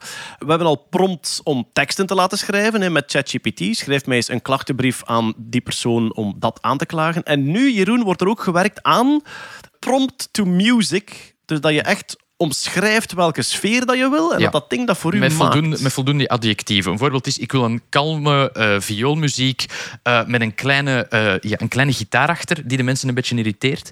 Ze gaan zelfs zo ver dat ze schilderijen zeggen van ik heb het schilderij De Schreeuw. Dan laten ze mensen daar adjectieven bij genereren en dan laten ze op basis van die adjectieven muziek genereren die bij De Schreeuw hoort. Maar het is dus- het, het, het, en de bedoeling van het project is dat, want er waren vroeger al muziekgeneratieprojecten, maar die hadden heel weinig coherentie van seconde tot seconde. Dit systeem zou echt minutenlang consistent moeten blijven. Ah, wel, want ik heb, ik heb de AI Voilà. Song Contest gepresenteerd, denk ik, twee of drie jaar geleden. En toen waren er sommige, gelukkig niet allemaal, maar sommige teams die zeiden: we hebben het volledig door AI Ja. laten maken. En dat was een soort eh, Dat was, Ja- ja. Japanse industrial ruis eh, van gaan hebben. En dat zou dus spectaculair verbeterd zijn. Ja, ja deze de bijvoorbeeld. Je kunt er nog niet zelf mee spelen, moet ik zeggen, van de- Ah. voor de mensen thuis. Want ik denk dat het generatieproces en het, de tijd naar convergentie te lang is om het live op een, een webserver aan te bieden momenteel. Het feit dat je er niet zelf mee kunt spelen, zet natuurlijk de kans op Cherrypicking. Ja, voilà. Dus dat ze heel veel gedaan hebben en de schoonste eruit Absoluut, gehaald hebben. ja. Maar ja, we- zullen we er een paar voorbeelden Heel tussen graag. monteren? Ja, oké. Dit is de main soundtrack van een arcade game. Het is snel, het is upbeat en het heeft een catchy elektrische gitaarriff. Dat was de vraag. Dat was de vraag. Een keer luisteren of dat harmonisch een beetje klopt. Het is geloofwaardig. Het akkoordenschema is nog niet zo... Ik ehm, kapt genoeg cola in mij en stik een controller in mijn pollen en ik ben weg. Hè. Bon. Volgende prompt. Eh, traag tempo, bas en drums, reggae song. Nice. En er wordt ook gevraagd om er een, een gitaar bij te doen op de achtergrond. En speciaal aan deze, vocalen met een laid-back feel, very expressive. En zingt hij nu woorden of gewoon klanken? Klank. Allee! Ja, dat is wel goed. Complete wartaal, maar het is, het is heel goed. Hè. Vooral die... En alweer voor de muzikanten, dit is de fastfood-versie van de, de exquise keuken. Hè? Maar als je het oppervlakkig gebruikt, Ja. zoals in een videogame... En zoals we- Oei, nu heb ik alle videogame soundtrack eh mannen beledigd. wow, wow, wow. En alle monteurs en De redacteurs BBC, ook ineens. BBC Orchestra heeft onlangs een prachtig concert gedaan met enkel videomuziek. Ah, Daar zou ik ook naar linken. Ja, heel, heel leuk. Ehm, dus ja, dit is, eh, dit is heel cool. En ik denk opnieuw, net zoals bij Dali, het zal niet meteen de volgende hit schrijven, want daar zijn we nog ver vanaf. Maar als je eens een likske muziek nodig hebt om onder je montage te, te zetten of zo. Of muzak voor in de lift. Ah, voilà, muziekvriendelijk. Oh, de AI-gegenereerde liftmuziek. het is schijten irritant, maar het is altijd anders. Een prompt. He- Heel erg deprimerend. Haalt de levenslust uit elk Ja. jong kind. Eh, ja. Eh, ja, ik vond hier ook een AI-nummer dat geschreven is in de stijl van Nirvana. Eh, het is wel al een jaar oud, dus ik weet niet hoe, hoezeer ik moet betrouwen dat dat volledig AI-werk is. Maar er is met AI aan gewerkt om de klankkleur en de, de, de gitaarsound enzovoort, om die allemaal schoon te imiteren. En ik vind het redelijk eh, eh, geloofwaardig. Ik denk, als ik het op een afstandje zou horen, zou ik denken van, tja, dat Nirvana-nummer ken ik niet. Het heet Drowned in the Sun, staat gewoon online en het klinkt als volgt.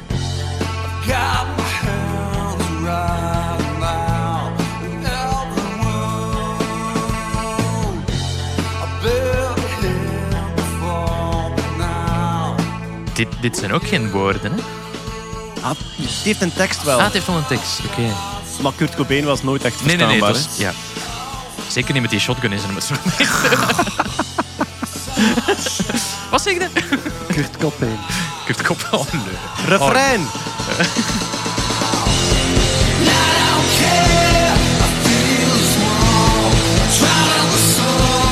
Dat is heel herkenbaar, hè? Cool. Ja, maar ik moet niet zeggen... Allee, ik, heb, ik heb nu ook wel ehm, een groot deel van mijn tienerjaren in een soort weltschmerz naar eh, Nevermind van Nirvana geluisterd. En als ik hier naar luister, dan denk ik dat ik... De, allee, nou nee, ik ga het anders zeggen. Als ik hier naar luister, dan hoor ik de hamburger. Dus ik ja, hoor... ja, ja, omdat, ik- omdat ik zo'n mega fan was, Ja. hoor ik hier echt zo... Je hoort dat- echt het verschil. het gebrek aan die laatste nuance, die laatste power. En het zal dat zijn dat voor Nick Cave is de- onverteerbaar is. Ja, het is te afgemixt en een drummer zit op tempo te kloppen. Dus. Ja, nee, ik heb het vooral in de manier dat hij zingt in het refrein. Ja. Zo die laatste, pa- zo die laatste kwaadheid erin.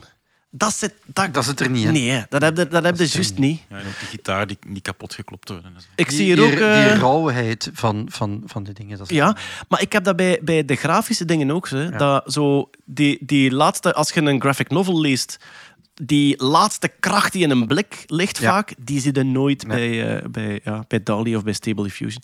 Ik zie trouwens hier, ik kom het nu toevallig tegen, dat de maker van het nummer ook een, een eh, tien minuutjes uitleg geeft over welke AI-systemen dat hij gebruikt heeft. Dus die kunnen we daar dan ook eh, Linken het in de show notes. Inderdaad. Ik heb nog één AI-nieuwsje staan en dat is de Europese Unie werkt aan de AI Act.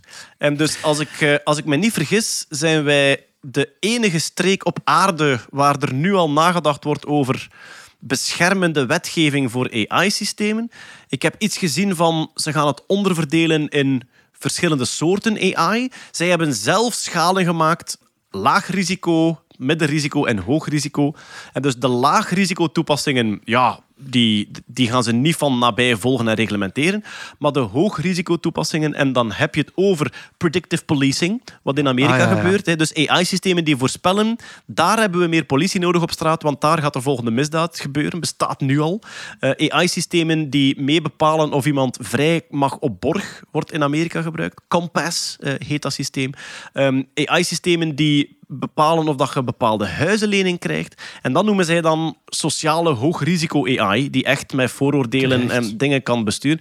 En dus de AI-act is eigenlijk een, ehm, zou Europese wetgeving moeten worden die dat in de gaten houdt en reglementeert. Ehm, de bedenking die ik nu lees in de blik van Kurt en ook van Jeroen is AI gaat zo snel vooruit en je zit Ah, nee. hier met een immens complex toptechnologietje Nee, en, ik dat ik moet dan, bedenkingen, en dat moet dan gereglementeerd worden door iets dat typisch traag en log gaat zoals Europese Ik was wetgeving. vooral aan het fronsen met de afkorting, want het is de EU AI Act, dus het is de UI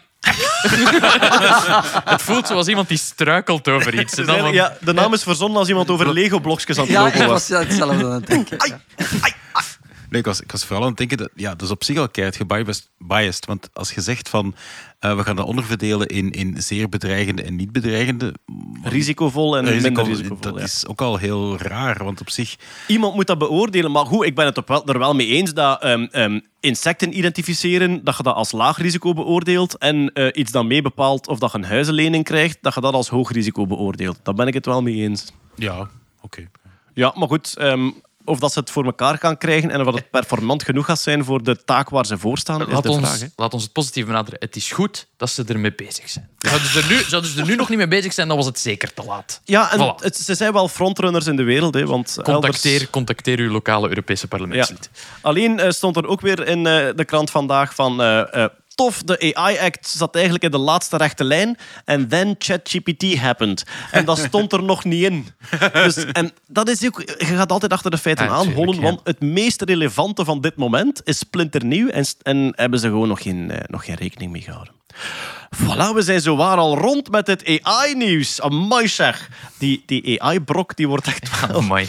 massiever elke maand. Ja, dat is wel zo. Wat heb ik hier nog staan? Eh even een korte ruimtevaartdingetje.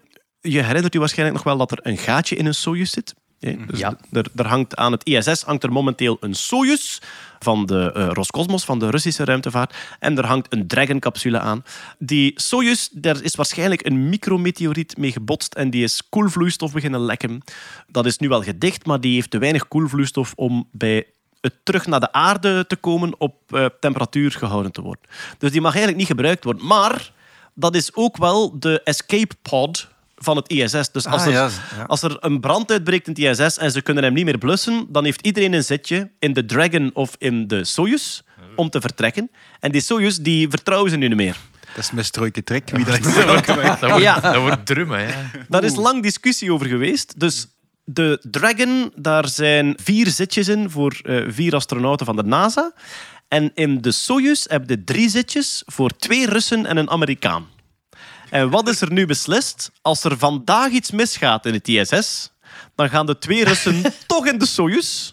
Want dan wordt hij minder warm of zo, ik weet het niet.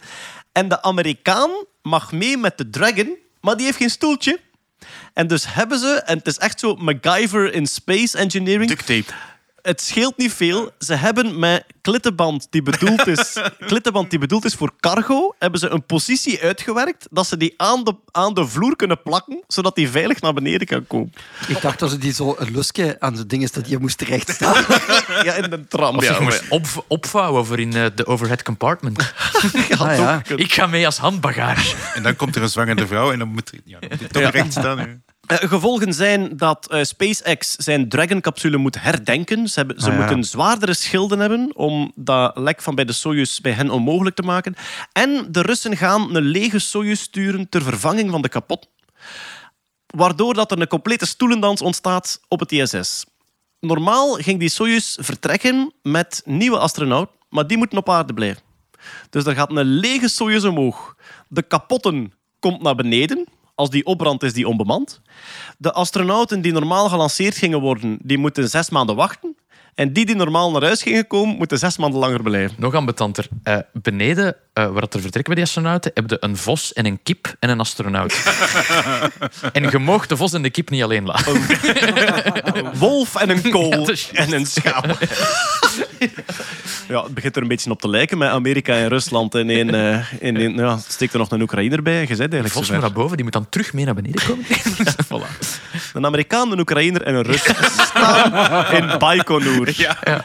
Die Amerikaan moet. Ja, ik Voilà. snap En er is iemand van de VN en die mag ze nooit alle Alleen laten. Ja, dus de Rus mag niet bij de Amerikaan. De Oekraïner mag ook niet bij... Ja, is Ja, maar dat is Ja. wel een cartoontje over ja, maken. ja, ja, voilà.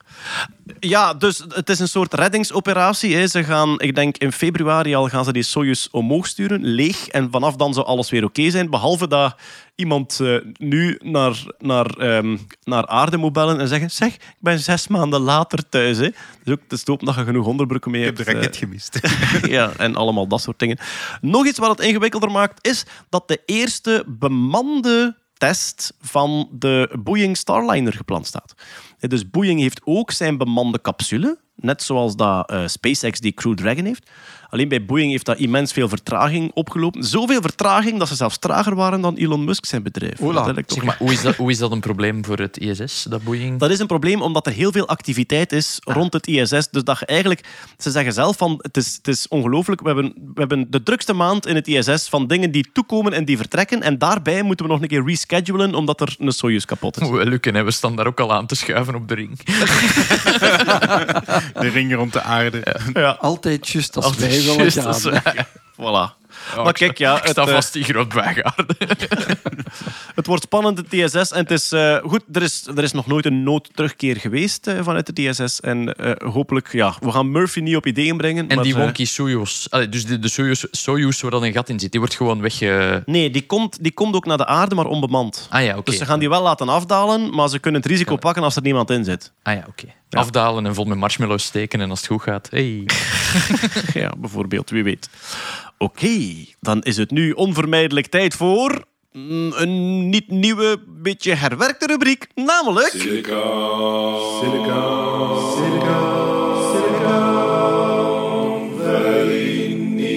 Ja, onze jingle is eh, veranderd. Eh, dit is vanaf nu de Silicon Valley rubriek. Eh, ja, sinds vorige maand is Team Musk leeg en verlaten.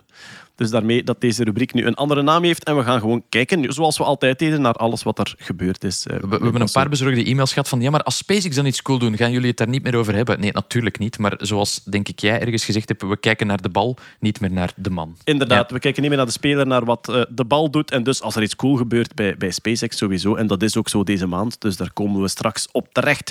Maar eerst een ander ruimtevaartbedrijf, namelijk van Richard Branson, de zongedroogde Bee Gee. Ehm, eh, Richard Branson eh, heeft, eh, heeft sowieso natuurlijk zijn space tourism ding, waarmee dat hij zijn vlucht gemaakt heeft. Maar hij wil ook graag satellieten naar orbit brengen. Dat, eh, dat bedrijf heet Virgin Orbit. En wat die doen is, die ehm, stijgen op met een Boeing 747. En aan de buik van die Boeing hangt een raket. En die gaan even gezellig 10 kilometer hoog vliegen. Dan laat die raket los en dan gaat die vanuit de lucht eigenlijk eh, ontsteken en dan zo naar een baan rond de aarde. En die kan dan een kleine payload, want hij is veel kleiner natuurlijk dan die, eh, die grote raketten van, ehm, van eh, ja, die Atlas-raketten van Europa en die SpaceX-raketten. Maar dan gaat hij eigenlijk een kleine payload naar een baan rond de aarde brengen. Ik denk dat die in Amerika dat al een paar keer gelukt is. Nu was er een historisch moment deze maand. De eerste ehm, de eerste lancering to orbit vanuit Europa. Vanuit de Ah. UK. Ja, omdat dat in Europa nog nooit gebeurd is. Hè. De, de lanceringsplatformen liggen allemaal buiten Europa. En dit vliegtuig is opgestegen uit Cornwall in de UK. Is dan over de Atlantische Oceaan gaan vliegen, hè, dus ten noorden van Frankrijk. Daar heeft die raket losgelaten en moest hij vertrekken naar orbit. Helaas, motor failure.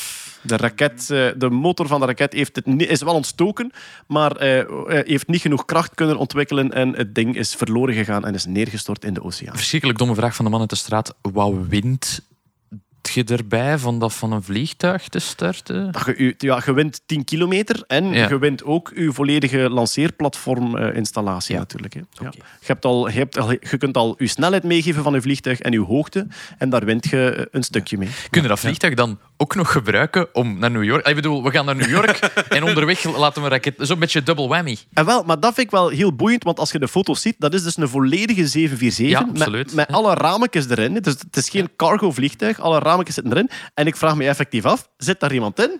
Of is dat een leeg piloot, vliegtuig? Ja, dat wel, ja.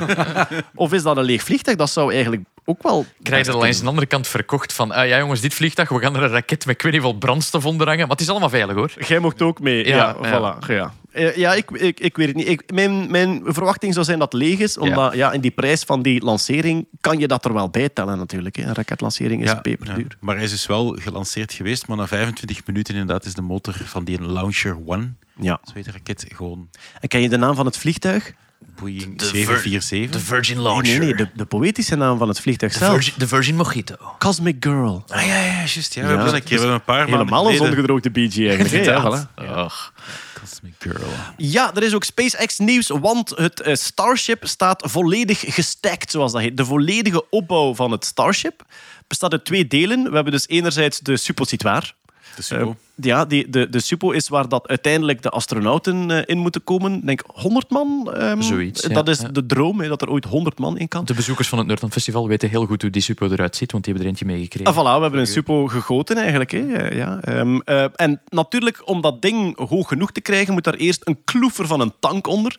En dat is echt gewoon een soort eh, inoxen cilinder van tientallen meters hoog. Die stampenvol. Ik denk dat methaan is, methaan en Zij waterstof. gebruiken vooral methaan, denk Ja, ik. voilà, ja. Mix. Omdat je dat op Mars kunt maken. Hè. Ja. Ze willen een brandstof maken eh, op Mars. En dus nu voor het eerst hebben ze die Supo bovenop die tank gezet. En die een tank ook vol gedaan. Inderdaad, de wet rehearsal, zoals de wet dress rehearsal. Dat klinkt een beetje als De red eh, Ja, wedding wet, zo. Ja, een beetje als eh, een wet t-shirt contest, maar dan eh, stijlvoller, hè, wet dress rehearsal. Ehm, ze hebben dat volledig eh, eh, opgebouwd, ehm, nog niet gelanceerd, want nu moeten ze hem terug uit elkaar halen. Dus eh, het, het was niet de bedoeling om te lanceren. Ze gaan hem terug uit elkaar halen, want nu willen ze alle motoren nog eens testen. Terwijl als ze samen een static fire doen, dus dat ze, dat ze eigenlijk branden, maar niet dat ze eigenlijk branden, maar niet opstijgen. Ehm, maar ehm, alles wordt nu klaargemaakt voor die eerste orbital test, waarin dat het Starship één rondje rond de aarde zou moeten En draaien. is daar een datum voor? Eh, Musk zegt volgende maand, zoals, Ah, ja, hij al, zoals ja, hij al dus twee jaar volgende maal- maand maal zegt. twee, Eh, ja, ja, voilà. ja. Dus we gaan zien wanneer, wanneer dat gebeurt. Maar het zou schoon zijn als het nog voor de zomer... eh, Wie is dat die Musk waar ik zoveel van hoor? ik, ga er, ik ga er niet in wrijven. Ik ga er niet ik in denk dat hij een parfum uitgevonden Denk heeft. het is ook, dat ja. niet? ja, dat is, dat, Is dat ik niet wel. die met vlammenwerpers of zoiets? Ja, Is dat ja. niet een fabrikant Ergens. van vlammenwerpers? We gaan, daar- we gaan daar nog van horen. Eh, wel, we hebben toch ook nog een eh, Twitter-nieuws, enfin, Twitter, Twitter oud nieuwsje. Er was nu toch een hoop te doen, ja, een maand geleden dan, over de Twitter-files. Ja. hè. Ehm, ehm, Musk kwam toe bij Twitter en hij ging daar door alle oude communicatie gaan en hij ging bewijzen hoe er gecensureerd werd en hoe dit en dat gebeurde. Zijn, zijn techniek was om hele oude conversaties uit de... eh, hele oude conversaties tussen Twitter-werknemers te sturen naar onafhankelijke Ja. journalisten. En die mochten daar dan een stuk over Journalisten die hij heeft uitgekozen. Het Ja. komt er eigenlijk op neer, er zijn al verschillende Twitter-files gereleased. En wat staat daar erin? Ja, eh, Twitter-medewerkers die, die moeilijke discussies voeren op van shit, het kapitool is aangevallen gisteren. Hoe gaan we verder? Op welke basis kunnen we deze account aanpakken? Is het oké? Het is eigenlijk een... En iedereen zegt van, kijk je wel, smoking gun, er is gecensureerd geweest. Maar wat ik zie, zijn een hoop mensen die dat overleggen met elkaar, die dat de pro's en contra's afwegen, die dat externe organisaties raadplegen over wat moeten we hiermee doen. Ja. Het, is, het is, wat dat moderatie is op het internet, een hele saaie, moeilijke kwestie. En als je daar naar wijst, zegt van, zie je wel... Nee, Ze dat is moeien gaat. Nee, terwijl, dit, terwijl dit eigenlijk heel legitiem is. Dat Ja. die mensen intern die vraag stellen van ja, maar wat moeten Ja. we hier Ja. nu mee doen? Wat een, een van de dingen waar ze dan naar verwezen was van... Zie, de FBI houdt Twitter-activiteit in de gaten en vraagt om bepaalde accounts te blokkeren. Tja, de nationale veiligheid die kijkt of dat er opruiende taal komt of omdat er, eh, of dat er eh, buitenlandse mogendheden actief zijn die vals nieuws spreiden. Dat lijkt mij nogal En ook logisch. dat er Ja. een intern systeem was waarop sommige accounts werden gevlagd als zet hier geen advertenties bij. Natuurlijk bestaat dat, want als ik opnieuw Nike-schoenen wil, verko- wil verkopen, wil ik niet dat mijn advertentie komt onder oh, ik denk wat van zwarte mensen. En het- natuurlijk niet. Natuurlijk worden er accounts gevlagd. Dat, het is een commercieel platform. Dus, En uiteindelijk kwamen er dan...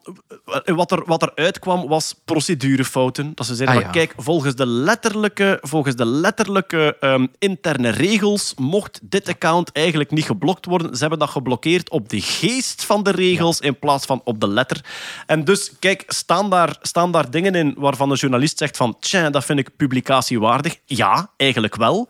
Was dat heel de dramatiek op voorhand waard? Dat opgeblazen gedoe van en nu gaan we de beerput opentrekken? Ja, Waarschijnlijk niet. alle, alle mainstream media, en natuurlijk dat helpt niet, want mainstream media zijn natuurlijk de, de gebeten hond van, van heel die conspiracy groep. Maar alle serieuze kranten hebben ernaar gekeken en gezegd van ja, het is iets, maar eigenlijk niet veel. vooral ook de manier... Hij heeft journalisten uitge- uitgezocht die dan een deel van het archief mochten bekijken. Als je echt op elkaar speelt, zeg je van oké, ik nodig iedereen uit. Hier is alles. Haalt eruit waar dat het verhaal zit. Maar dit lijkt ook heel gestuurd. Dus op zich, Ja. in, in, de, eh, in, in de zin om transparant te zijn, laat hij zelf ook een zekere bias zien, wat dat het ook niet helpt. Ik denk dat, hij, ik denk dat, hij misschien, dat ze misschien zelf wel geloofden van en nu komt het Ja, ja, allemaal dit wordt mijn grootste verhaal ooit. ja. Het heeft, heeft in een stijl wel dat ze het zelf geloven. Maar ja, goed, op zich, je moet ons ook niet op ons woord geloven. Al die Twitter-files-artikels staan online. en Je kunt ze daar zelf gaan bekijken. Zo. Mail ons hier niet over. Sorry, ja, maar ja. Ik voer die discussies ook. Mail ons hier niet over. Ja, oké. Alright, eh, Hyperloop van The Boring Company. Hè. Dus het, het idee om de files te vermijden door een soort dun buisje van één auto breed onder de wegen te boren. Een auto wordt met een lift naar beneden gelaten en kan dan zoeven onder de file en dan terug naar boven gegaan. Of zoals ik het noem, Silicon Valley eh, vindt langzaam maar zeker de metro terug uit. Ja, voilà, Oké, maar dan met een persoonlijke auto. Ehm, ja, er was een grote CES-beurs, eh, zoals elk jaar in Las Vegas. En daar was een demo Hyperloop gebouwd. Wat is er gebeurd? Het was file. In de Hyperloop. Maar bovengronds geen enkel probleem. En wel, omdat iedereen dat wou proberen, was het zo... En er staan zo filmpjes online ook van hey, de auto gaat naar beneden en iedereen filmen met de telefoon. En super spacey natuurlijk. Hè. Je komt in zo'n compleet clean, een heel dunne buis. En die auto begint inderdaad zo... Ja, door een karke getrokken begint hij echt zo, zo te zoomen. En dat is cool. En je gaat door twee bochten en opeens remt hij af. En ze vragen, waarom, die, waarom remt hij af? En iemand, Staat er nog oh, voor there's a traffic jam. En dan zie je echt zo de hele hoop auto's wachten. Het was niet met eigen auto's, hè. het was met auto's dat daar klaar Met stonden. Tesla's waarschijnlijk. Ja. Ja. Ja. Ja, Want het zou een, het zou een abonnementsformule Maar- moeten worden. Wacht, eh, nu moet je me even helpen. Is dat nu de Hyperloop? Want Hyperloop is toch nog iets anders, Je hè? hebt gelijk, is- ja. ja, ja. De, hy- de Hyperloop is nog vacuüm getrokken met karretjes in. Dit is de boring, de boring Company. Ja, dus de Boring. Company is echt die dingen. Ja. Ja, dus het is geen Hyperloop. Hyperloop is eigenlijk gewoon die De, va- de buizenpost. vacuumbuis buizenpost voor mensen. De ja. vacuüm, vacuümbuis met een, met een karken in. En Boring Company is wat dat getest is in Las Vegas. En Kurt, iemand die wij kennen, eh, is door de Hyper... do- nee, niet door de Hyperloop, sorry. Is door de Boring Company tunnel gezoefd. Nu voel ik mij echt zo'n journalist die dat Twitter als bron gebruikt. Maar dus Bram van der Borgt heeft eh, 8 januari De getweet... robotica-professor van, van de, de VUB. VUB. Ja. Eigenlijk de, een hele ja, bekende naam in Vlaanderen en België. Een van En- de go-to mensen als het over robotica gaat in Vlaanderen. Ja, voilà, die heeft getweet van taking the Vegas loop during CES. En stond hij in de file of niet? Ehm, ik denk het wel. Want er zijn veel auto's voor hem. Het is allemaal rood, het licht. En dan wordt het wel groen en dan terug rood. Dus Oké, dat vrees ervoor. Ja. Oké, wat heb ik hier nog staan? Apple heeft een nieuw trucje. Namelijk het eh, digitaal voorlezen van boeken. En dat kennen we natuurlijk al lang. hè. Text-to-speech kennen we al lang. Maar zij willen nu... Apple heeft een boeken-app. hè. Dus je kunt een app downloaden en dan eh, e-boeken kopen enzovoort. En Laat me raden, Apple Books. Apple Books, uiteraard. Ja, They don't- iBooks. They, iBooks, doe maar, ja. they don't mess around with name. Ik denk dat Apple Books is. Dat kan ook. Het is een van de de Apple Music, Apple Books. Ja. En zij hebben dus een digitale stem die boeken voorleest. En ehm, zij wilden dat blijkbaar vrij groot lanceren. En ehm, ze kregen de kans niet. Want opeens was eh, ChatGPT all over de tech news. En dan was eh eh, Twitter debakkelen all over de tech news. En dan waren de grote ontslagen in de tech. Dus ze vonden geen gaatje om te Oh. zeggen van zie ons trucje. En dan hebben ze het redelijk in stilte gelanceerd. Maar iedereen die, ehm, iedereen die een iPhone heeft, die kan het testen. Als je gewoon naar je boek-app gaat, dan krijg je een, ja, kan je titels opzoeken. En je kan in je zoekbalk intikken AI narration. En als je intikt AI narration, dan krijg je nu, ik denk, drie of vier voorbeeldboeken en je kan naar een preview luisteren.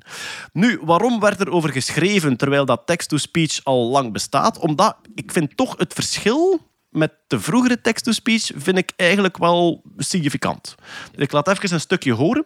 Dus dit is een AI-systeem dat op basis van een tekst beslist, dit moet zo voorgelezen worden. Eh, Beslist hij dat live of is dat op voorhand opge... Allee, bedoel, want dat maakt een verschil. Ja, nee, ik denk niet dat het live is. Ik bedoel, ze hebben, ze hebben dat bij, bij een boek, heb je, ja. ja. bij een boek heb je de tijd om dat te renderen. Ja, dus ik denk wel dat je dat even kunt laten, laten lopen en dan... on- zo staan ze ook online. Ja. Ja. Dus dit is eh, een boek dat eh, niet door een mens voorgelezen wordt, maar door een computersysteem. Dawson's Hill offers one of the most spectacular views over London. Sightseers often come at night to see the lights of the iconic buildings in the city centre shining out into the dark sky. From the summit of the hill, the nature reserve is noted for its uninterrupted vista of the famous landmarks, for those who have discovered its little known special bonus. Yet impressive as it was, Xana and me weren't there to see the sights. Ik vind dat beter dan wat ik al gehoord heb. Eigenlijk. Mhm. Ja, soms, eh, er zijn fragmenten waar ik denk van, yep, dit is, dit is computer. En fragmenten waarop dat je mij zou kunnen voelen, denk Ja. ik. Ja. Aan de andere kant, waarom zou ik dit kiezen als ik ook Stephen Fry kan kiezen, liever? Omdat het veel goedkoper is. Oké. Ja, een een keer dat dit op punt staat, zouden Ja. wel, zouden wel een live text-to-speech kunnen hebben. En zouden uw teksten kunnen, ja, gewoon elke gedrukte tekst die je vindt, live laten voorlezen door zo'n stem. Door een aangename stem. Iets aangenamer dan de standaard. Maar dus inderdaad, het gaat weer over, over scale gaan. Hè? Ik bedoel, als jij, als jij ehm, de Lord of the Rings boeken kunt laten voorlezen door Stephen Fry, dan ga je met plezier die tienduizenden euro's extra betalen, omdat u dat ook gaat opleveren in een aantal mensen die gaan luisteren. Leukere combinaties door Patje Crimson. Alleen je, als je kunt kiezen. Het, AI, het Patje Crimson AI-systeem, Ja, daar, ja. Moet, daar moeten we voor gaan. Hè, zeg. Maar ja, voorgelezen door Sergio. Harry Potter kwam binnen! In de toverschool! Draag de ring niet, Frodo! Hoi, Sauron! Oepapakkers! Eh, ja, maar eh, dus zij hebben dat nu, nee, zij, zij pakken daarmee uit. En ehm, het is ook een beetje een strijd in de audioboeken, want eh, Audible van Amazon, het is een van de grote audioboeken eh, aanbieders, die hebben echt een, een soort eh, company rule, geen AI-teksten. Dus niks voorgelezen door computers, alleen menselijke stemmen op Audible. En dan gaat het inderdaad over die laatste percentjes nu, waar dat het nog aan hoort. En zij willen die kwaliteitscontrole. Ik dacht net te zeggen, het lijkt me zo'n technologie waarbij dat 95% van het werk eigenlijk al 20 jaar bestaat, maar de laatste, de laatste 5% magische saus die mensen toch het, gevoel, het onbehagelijke gevoel geeft van hier klopt iets niet, die moeten er nog af. Ja. Maar dat is eigenlijk een punt dat... Want ik heb de laatste tijd veel ehm, AI-interviews gedaan over, die, over, mijn, over mijn tournee. En dat is eigenlijk het punt dat heel vaak terugkomt. ChatGPT, eh Lieven van den Auto bij Nieuwe Feiten, vroeg aan mij... Komt er dan ooit een, ehm, een tekstsysteem dat echt prachtige boeken kan schrijven op het niveau van Tom Lanois? En die laatste procenten zijn veel Ja, ja, moeilijker dan het werk dat tot nu gebeurd is. Bij de zelfrijdende auto net hetzelfde. Die eerste 80, 85 procent die is gelukt. En die laatste 15 procent, daar bijten ze nu al jaren hun tanden op stuk, omdat Hmm. dat veruit het moeilijkste is. En bij dit zal het hetzelfde zijn. Hè. Iets dat, die, laatste, die laatste geloofwaardigheid zal heel lastig Ik denk zijn. dat we zo gaan ontdekken wat dat het is om mens te zijn, om het verder te gaan. Want eigenlijk door proberen, iemand door proberen te repliceren, merk je eigenlijk van wat maakt een Tom Lanois boek een Tom Lanois. Niet dat die man een goed vocabularium heeft of een brede woordenschat. Of, Of een grammaticale patronen grammaticale kan imiteren. patronen kan imiteren. Ik bedoel, dat, dat kan allemaal. Maar dat laatste stukje Maar ja. Lichtjes homoerotische touch, dat, eh, het- Maar ook het eh, bij het grafische net hetzelfde. Hè. Zo, Ja. die, die laatste expressie in een blik, ja, die krijg je nog niet uit die, uit die systemen. En dat kan nog heel lang duren als we kijken naar andere AI-systemen. hè. Oké, maar dus kijk, eh, Apple Books. Er zijn ook mensen die het, het einde van Audible voorspellen, omdat dit nu ontstaat. Zo snel zal het wel niet gebeuren. Maar ik vond wel, allez, ik vond wel een, een indrukwekkende stap vooruit. Nog een Silicon Valley nieuwsje. Microsoft sluit Altspace VR. En ik ga nu vragen, en dat zegt veel. Jeroen, wat is Altspace VR? Altspace VR is een soort van online chatruimte die eh failliet gegaan is. Dan heeft Microsoft die vlak voordat die failliet gegaan is toch nog overgekocht. En hebben ze dat proberen een beetje te positioneren in hun metaverse-verhaal. Van ah, we gaan allemaal in een virtuele wereld Is leven. het een metaverse? Het is een soort van metaverse. En nu heeft Microsoft gezegd van... Ja, we Dat gaan, werkt niet. We gaan dat toch niet doen. En ja, Microsoft eh, heeft gezegd van Altspace VR, we stoppen ermee. Eh, want we gaan meer focussen op Ik denk dat het nu Microsoft Mesh heet. Eh, opnieuw een, een heel vage paraplu-term voor een geïnterconnecteerde wereld. Even over de, even over de hype-cycle van eh, het metaverse. Of verschillende metaverses. Verschillende metaverses. Want ik heb geleerd van iemand die lezingen geeft daarover, dat je niet het metaverse mocht zeggen. Ik moet Dus, die lezingen nog snel de deur uitkrijgen voor het gedaan is. dat is niet waar. Maar, nee, maar in, in de hype-cycle, eh, zitten, we echt, zitten we nu echt duidelijk in de ontnuchtering? Ik denk dat er, dat er vorig jaar heel veel hype over was. Ook met die cryptocurrencies die aan het stijgen waren. En de, de, we zitten allemaal binnen, we moeten alles virtueel gaan doen. Ik denk dat met het opengaan van de wereld en de realisatie van... Goh ja, zo'n meeting in... Het is toch mooi het is toch- buiten? het is toch mooi buiten. Dat het een beetje op zijn retour is. En ook dat De resolutie is beter in het bos. de keuze van Facebook om te zeggen van we gaan geen goedkope bril uitbrengen van 80 euro die iedereen kan kopen, maar we gaan een ding uitbrengen van 1500 eh, dollar voor professioneel gebruik, denk ik dat de richting zo'n beetje omgebogen is naar ja, ja, de metaverse voor iedereen, maar misschien toch eerst voor professionele doeleinden die we heel specifiek kunnen afbakenen. En heel, heel de buzz in het bedrijfsleven. Want eh, iedereen moest een toepassing hebben op Ja. de blockchain. En iedereen moest denken aan wat gaat mijn bedrijf doen in de metaverse. Zijn ze daar nog altijd van, van overtuigd? Of, eh? Er zijn nog altijd gesprekken over, maar ik denk dat langzaamaan maar zeker de realisatie begint te komen, en dat zeg ik ook in mijn lezing, nog altijd te boeken op jeroenbaar.be, dat... eh, Jeroen dat-. Jeroen-baar.be, klopt. Eh Jeroenbaar.be is mijn evil nemesis van de gemeente Boom. Eh, dat, dat veel bedrijven beginnen zich te realiseren van oké, we kunnen niet gewoon Minecraft nabouwen en ons logo erop plakken en iets doen dat totaal niks te maken heeft met wat dat wij zijn. Als Ja. wij een vereniging kappers zijn, dan is Minecraft in Kapperworld dat is gewoon raar. Dat, dat is geen connectie. En ik denk dat bedrijven ervan zijn Boek je terug... kappersafspraak Ja. op de blockchain. Voilà, dat, de- eh, eh, ook een bank van, ah ja, we gaan, we gaan een virtuele bank maken waar dat mensen virtueel kunnen aanschuiven aan een virtueel loket. Dus gewoon zo doen wat dat we in de echte wereld doen en er overal het adjectief virtueel voor zetten, is niet de weg vooruit. En ik Ja. denk dat die, die ontnuchtering begint te komen. Er zijn nog altijd heel interessante dingen te beleven en zo, maar we zitten inderdaad wel in, in dat deel van de hypecycle waarin dat we, ah ja, even voetjes op de grond. Ja, ja, ça va. En eh, ja, wat denkt u? Vinden ze dan ergens toch een stabiele toepassing in de toekomst? Of is dat Ik, moeilijk? heb- ik heb eh, al een paar heel interessante dingen gezien. Bijvoorbeeld Nvidia heeft Omniverse. Dat is eigenlijk voor fabrieksplanning. En waar dat je dan eigenlijk je fabrieksruimte kunt plannen. In virtual reality en machines kunt verplaatsen. En eigenlijk kunt visualiseren voordat je al die dure machines binnen laat komen. En dan beseft van, ah shit, dat past daar niet. Of dat is eigenlijk niet logisch. Eigenlijk voor bedrijfsplanning en voor, voor industriële planning zitten er al hele coole dingen tussen. Maar is er ook een strandfeest met een virtuele DJ? Het- m- Ik, ik weet niet of dat, dat in de Nvidia Omniverse is, maar het kan, dat kan altijd. Ja. Oké. Ça va, maar kijk, dus eh, eh, Microsoft had een soort metaverse speeltje en ze hebben het nu gesloten, Allspace VR. Dat was het wat Silicon Valley nieuws betreft. Goh, het volgende nieuwsje valt buiten de rubriek, maar eigenlijk heeft er nog wel heel veel mee te maken. De CES-beurs, waar we het eh, daarnet over hadden, Consumer Electronics eh, beurs, waar daar de nieuwste snufjes voorgesteld worden. En sommige daarvan worden ooit realiteit, maar dat kan Ja. je nu nog niet voorspellen. Wat is er allemaal gepasseerd Ik heb op deze de, CES-beurs? de weirdest, de leukste en de raarste opgesomd. Ik ga ze gewoon opsommen. Eh, je geeft er gewoon kort commentaar op. Sommige zijn echt idioot. Je Zullen hebt- we, zullen we smash or pass doen? Ja, smash or pass. Nee, dat, Ja. is, dat is de boomer. Dat-. Ik denk dat we nu Eh, alle, alle jongeren ja. doen cringen tot achter hun oren. Kill- kill- zeker omdat, eh, Kill, ja, marry or- ja, ja. Zeker omdat meneer Berk erbij zit die fysica geeft. Ja, in, ja, dat is leraar fysica. Het is goed Je dat je hebt, meneer ehm, Berk zegt. Ja, voilà. Je hebt de blok. Dat is een snijplank met een ingebouwd scherm voor recepten en voor u te begeleiden. 700 dollar voor de snijplank met het scherm, 40 euro per maand voor het abonnement. Dus eigenlijk iPad met schermbeschermer. Ja, absoluut. Ja, oké. Je hebt de L'Oreal Brow Magic. Dat is een 3D-printer voor wenkbrauwen. Dus dat is een soort van geweer dat je tegen je, tegen je, tegen je kop plaatst. En dat print een wenkbrauw met 2400 kleine inkjet-dingen. 1200 drops per inch. Dus je wenkbrauwen zijn dan 1200 dpi. Wat dan niet slecht is. Als ik, als ik naar een vrouw kijk, Ik dan denk ik van... Goh, wat- welke resolutie heeft hij haar wenkbrauwen nu? Dat die wil zo durft dat. buiten komen. Ja. En verschillende kleuren ook? Ja, absoluut. En het gebruikt AR om je gezicht te scannen. En het suggereert dan van... Oeh, met die wenkbrauwen zou je goed Ik wil dat. Voilà. Ik wil dat voor thuis. Ah, Peter. Mijn dochter en mijn vrouw te pesten, Ah, voilà. want die willen altijd mijn wenkbrauwen uittrekken. En ik wil er nu langer. Als, als, En je wil er L'Ore- nog, nog dikkere print Nog in. dikker. als L'Oreal geen sponsor luistert, voor Peter een Brow Magic alsjeblieft. Dan dit is wel... Ja, maar pas op, ik, ik zie nu ook de situatie voor mij dat je dus eigenlijk ehm, als eh, ja, je gaat uitgaan en je wilt jezelf een nieuwe wenkbrauw printen en je zit met Twee een, liefst. je zit met een soort geweervorm tegen je kop terwijl dat je partner binnenkomt. Die Ja. zegt, doe het niet! Waardoor dat je omdraait en je wenkbrauw zo achter je oren. Ja, En is dat alleen voor wenkbrauwen? Of ja, voor snorren en baarden zou dat dan ook waarschijnlijk. Oh, ik wil mij zo hard een unibrow printen. In het blauw. Tot als de cartridge op is. Deze is een leuke voor u. De Equinox 2 is een slimme telescoop die live annoteert wat dat je ziet in... eh, Lichtpuntje. Ja, nee. Je kunt bijvoorbeeld op je smartphone zeggen: telescoop, ik wil nu graag Jupiter zien. En een telescoop die richt zich automatisch.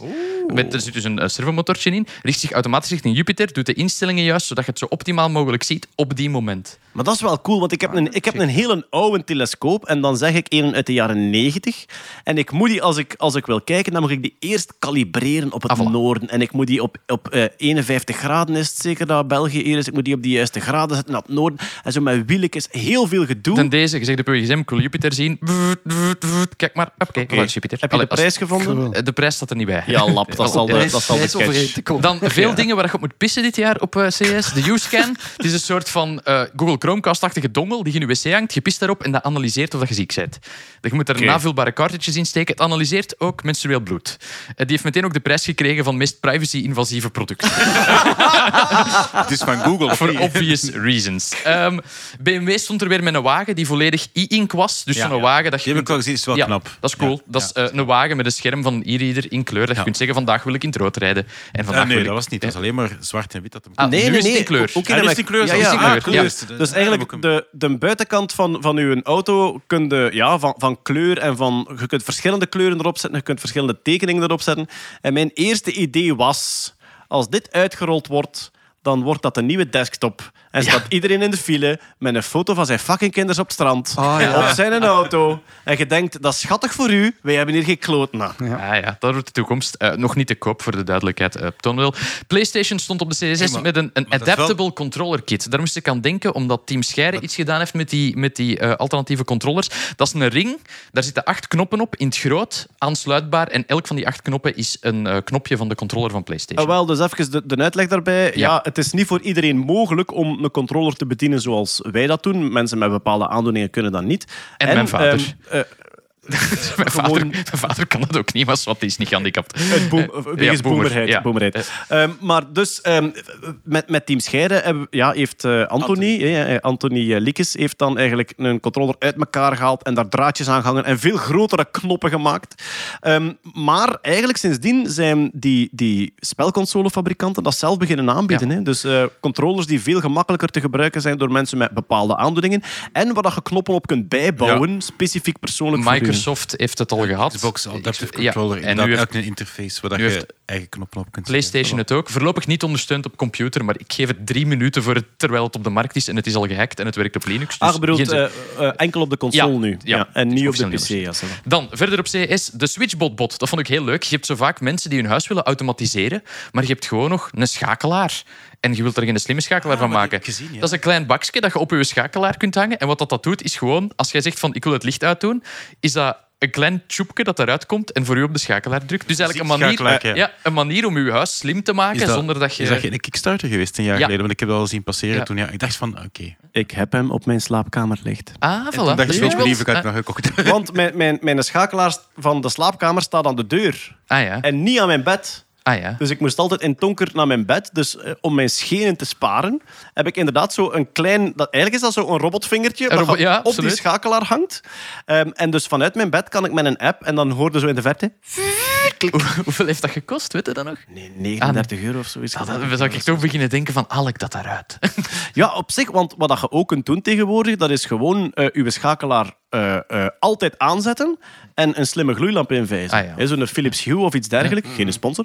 Maar dan heb je eigenlijk, uw gloeilamp is rechtstreeks verbonden met uw app en eh uw schakelaar staat altijd aan en je kunt uw gloeilamp aan of uitzetten. En andere dit- kleuren geven. Dit kan dus ook voor andere dingen dan gloeilampen. Misschien heb je, I don't know, een broodmachine. Dat Oh ja, dat voilà. maakt niet uit. Eh, het volgende, eh, je hebt ook nog de No Watch smartwatch. Kunnen jullie afleiden uit de naam wat het is? De No Watch smartwatch. Een smartwatch Je moet alles behalve een uur geven. Eh, inderdaad, het is een smartwatch en in plaats van een scherm heeft hij een kristal. En dat kristal dient om je te kalmeren, maar het is wel nog altijd een smartwatch die dat checkt eh, wa- wat dat je doet. Door, je kunt nog altijd je statistiekjes opvragen, maar je kunt niet op je pols naar het uur kijken. Ah, dus het is een sensor. Ja, het is Hilke Muntinga is de uitvinder. Die heeft eh, zes vrienden verloren dit jaar aan eh, accidenten of ziektes. Dat, dat, een beetje verdacht. Maar eh at, his, at a funeral he realized that he didn't want to be in the rat race anymore. En daarom heeft hij dus een horloge gemaakt waarop je het uur niet kan aflezen. Dus wat? Een tv op batterijen zo was er ook op CSS. Dus in plaats van... Stop de persen. Ja, absoluut. Ne, je hebt zo van die mensen die een flatscreen kopen en dat dan in hun prachtige living interieur willen inwerken. Maar shit, wat moeten we met die kabels doen? Oh nee. eh, First world problems. First world problems, gigantische batterij, één keer per maand opladen. Dat is maar een idee. Samsung heeft een oven met livestreaming. Dat als u kippengebraad in zit, dat je kunt op Twitch vragen... Ziet er goed uit? Is het klaar?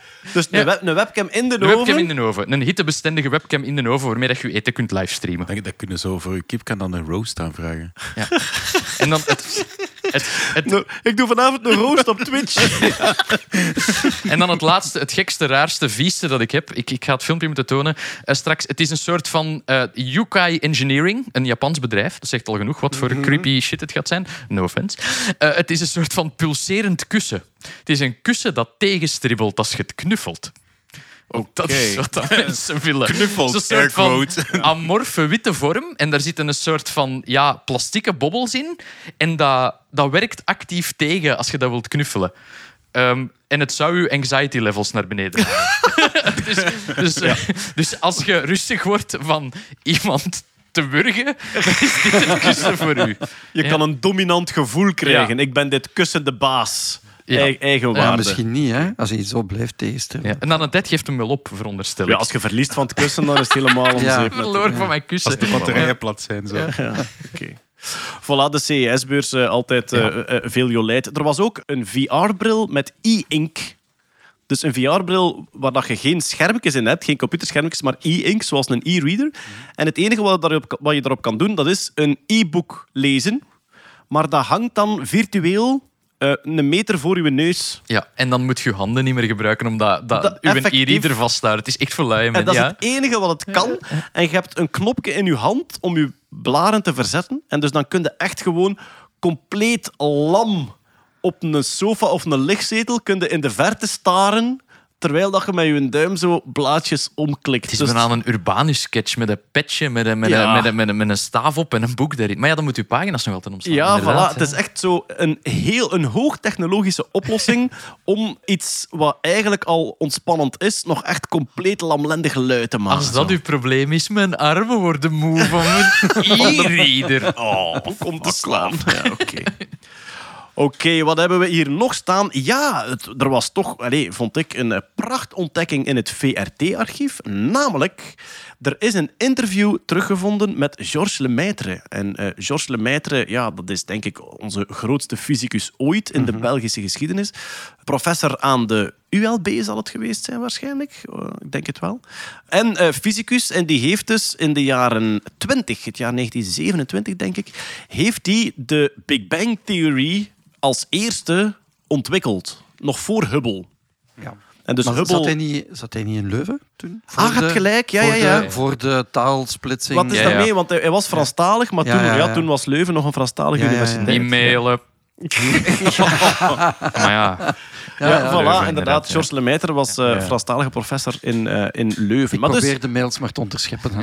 In 1927 heeft hij al gezegd van ja, door die, door die rood, de, de roodverschuiving, hè, hoe verder dat een, een sterrenstelsel van ons verwijderd is, hoe meer het eh, rood, roodachtig eh, uitslaat. Door het relativistisch Doppler-effect. Je kunt dat vergelijken met het Doppler-effect van de ambulance. maar dan relativistisch. Ja, als de ambulance van je wegrijdt, dan zegt En met Dus net zoals dat geluid lager wordt, wordt de, de golflengte van het licht ook trager, dus roder in het zichtbare licht. En hij zei van ja, blijkbaar komen al die sterrenstelsels ooit uit één punt en bewegen die daarvan weg. En dat zou dan de Big Bang zijn. Alleen de term Big Bang bestond nog niet, want die is achteraf verzonnen om hem uit te lachen. De Big Bang, ik, Ah. denk, ja, ik denk dat Big Bang verzonnen is door Hoyle, was een andere fysicus. En die was het daar compleet niet mee eens. En die zei al die zever alsof dat heel dat universum hier met een grote boomknal ontstaan is. Maar kijk, we spreken nog altijd over Big Bang. Ja. Eh, de term die Lemaitre gebruikte, en dat hoor je in dat interview. Het is 20 minuten lang. Het staat Ja. gratis te bekijken op de website van de VRT. We linken het ook in de show notes op, ehm, naar, op de URL podcast.nerdland.be. Ja, ja, dat zal wel kloppen. voilà. En hij spreekt over ehm l'atome primitief. Dus het oorspronkelijke, alsof alles komt uit één punt. L'atome primitief. Nu, het interview, ik denk, is uit de jaren 60. En hij heeft zijn theorie geschreven in de jaren 20. Er is een prachtige foto van Lemaitre en Einstein in 1933, die, die eigenlijk overleggen. En in dat interview eh, ja, praat hij over eh, zijn theorie, welke mensen het met hem eens zijn, wie het met hem oneens is, welke argumenten dat ze hebben en dat hij daar niet echt volledig in meegaat. Maar kijk, eh, Georges Lemaitre is sowieso eigenlijk een icoon waar, vind ik, te weinig van, van geweten is eh, in de algemene kennis in Vlaanderen. En we hebben nu een prachtig interview. Twee dingen opvallend aan het interview. Grappige man. Is eh, niet vies van wat zelfspot en, en ook heel expressief. Twee, ehm, zeer jonge Martin Tange die hem interviewt. Is niet waar. het, het interview zal in, van begin jaren 60 zijn, want hij is gestorven in 65. Ah, ja, dus oké. zal het Ja. eerste... Ja. Het is wel cool dat, dat eh, een priester die in God gelooft, Ja. en dus Ja. per definitie creationisme, denk ik dan toch wel... Ja, hij niet. Nee, dat hoeft Ah ja, voilà, Maar dan is echt van, want zo zijn, zijn primair atoom, hij noemt dat ook van, the beginning of the world. Ja, ja. Ah, wel, Dus dat is, ehm, dat is echt heel hij, hard. heeft het, hij heeft het op een bepaald moment heeft hij het over een tegenstander van hem die uitgaat van een universum dat ontstaan is met al een bepaalde structuur en een bepaald plan, noemt hij het. En hij gaat er geweldig tegenin.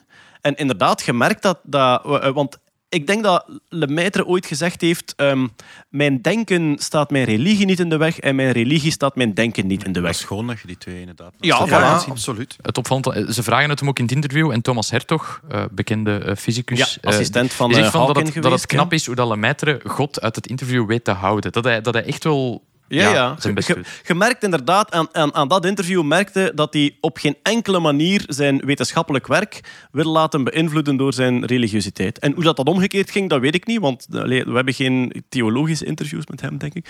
Maar hier merkte wel dat dat in die richting eh, dat dat, eh, hem goed lukt, ja. Gevonden op een... Ja, wat voor een band zal dat zijn? Een VHS kan toch niet? Nee, nee, nee. nee Zo'n ja. oude beeldband. En de, ze wisten dat het bestond. Er waren, ik denk, nog een paar seconden van bewaard gebleven op een kopie. Maar nee, ze wisten dat het ooit bestaan had.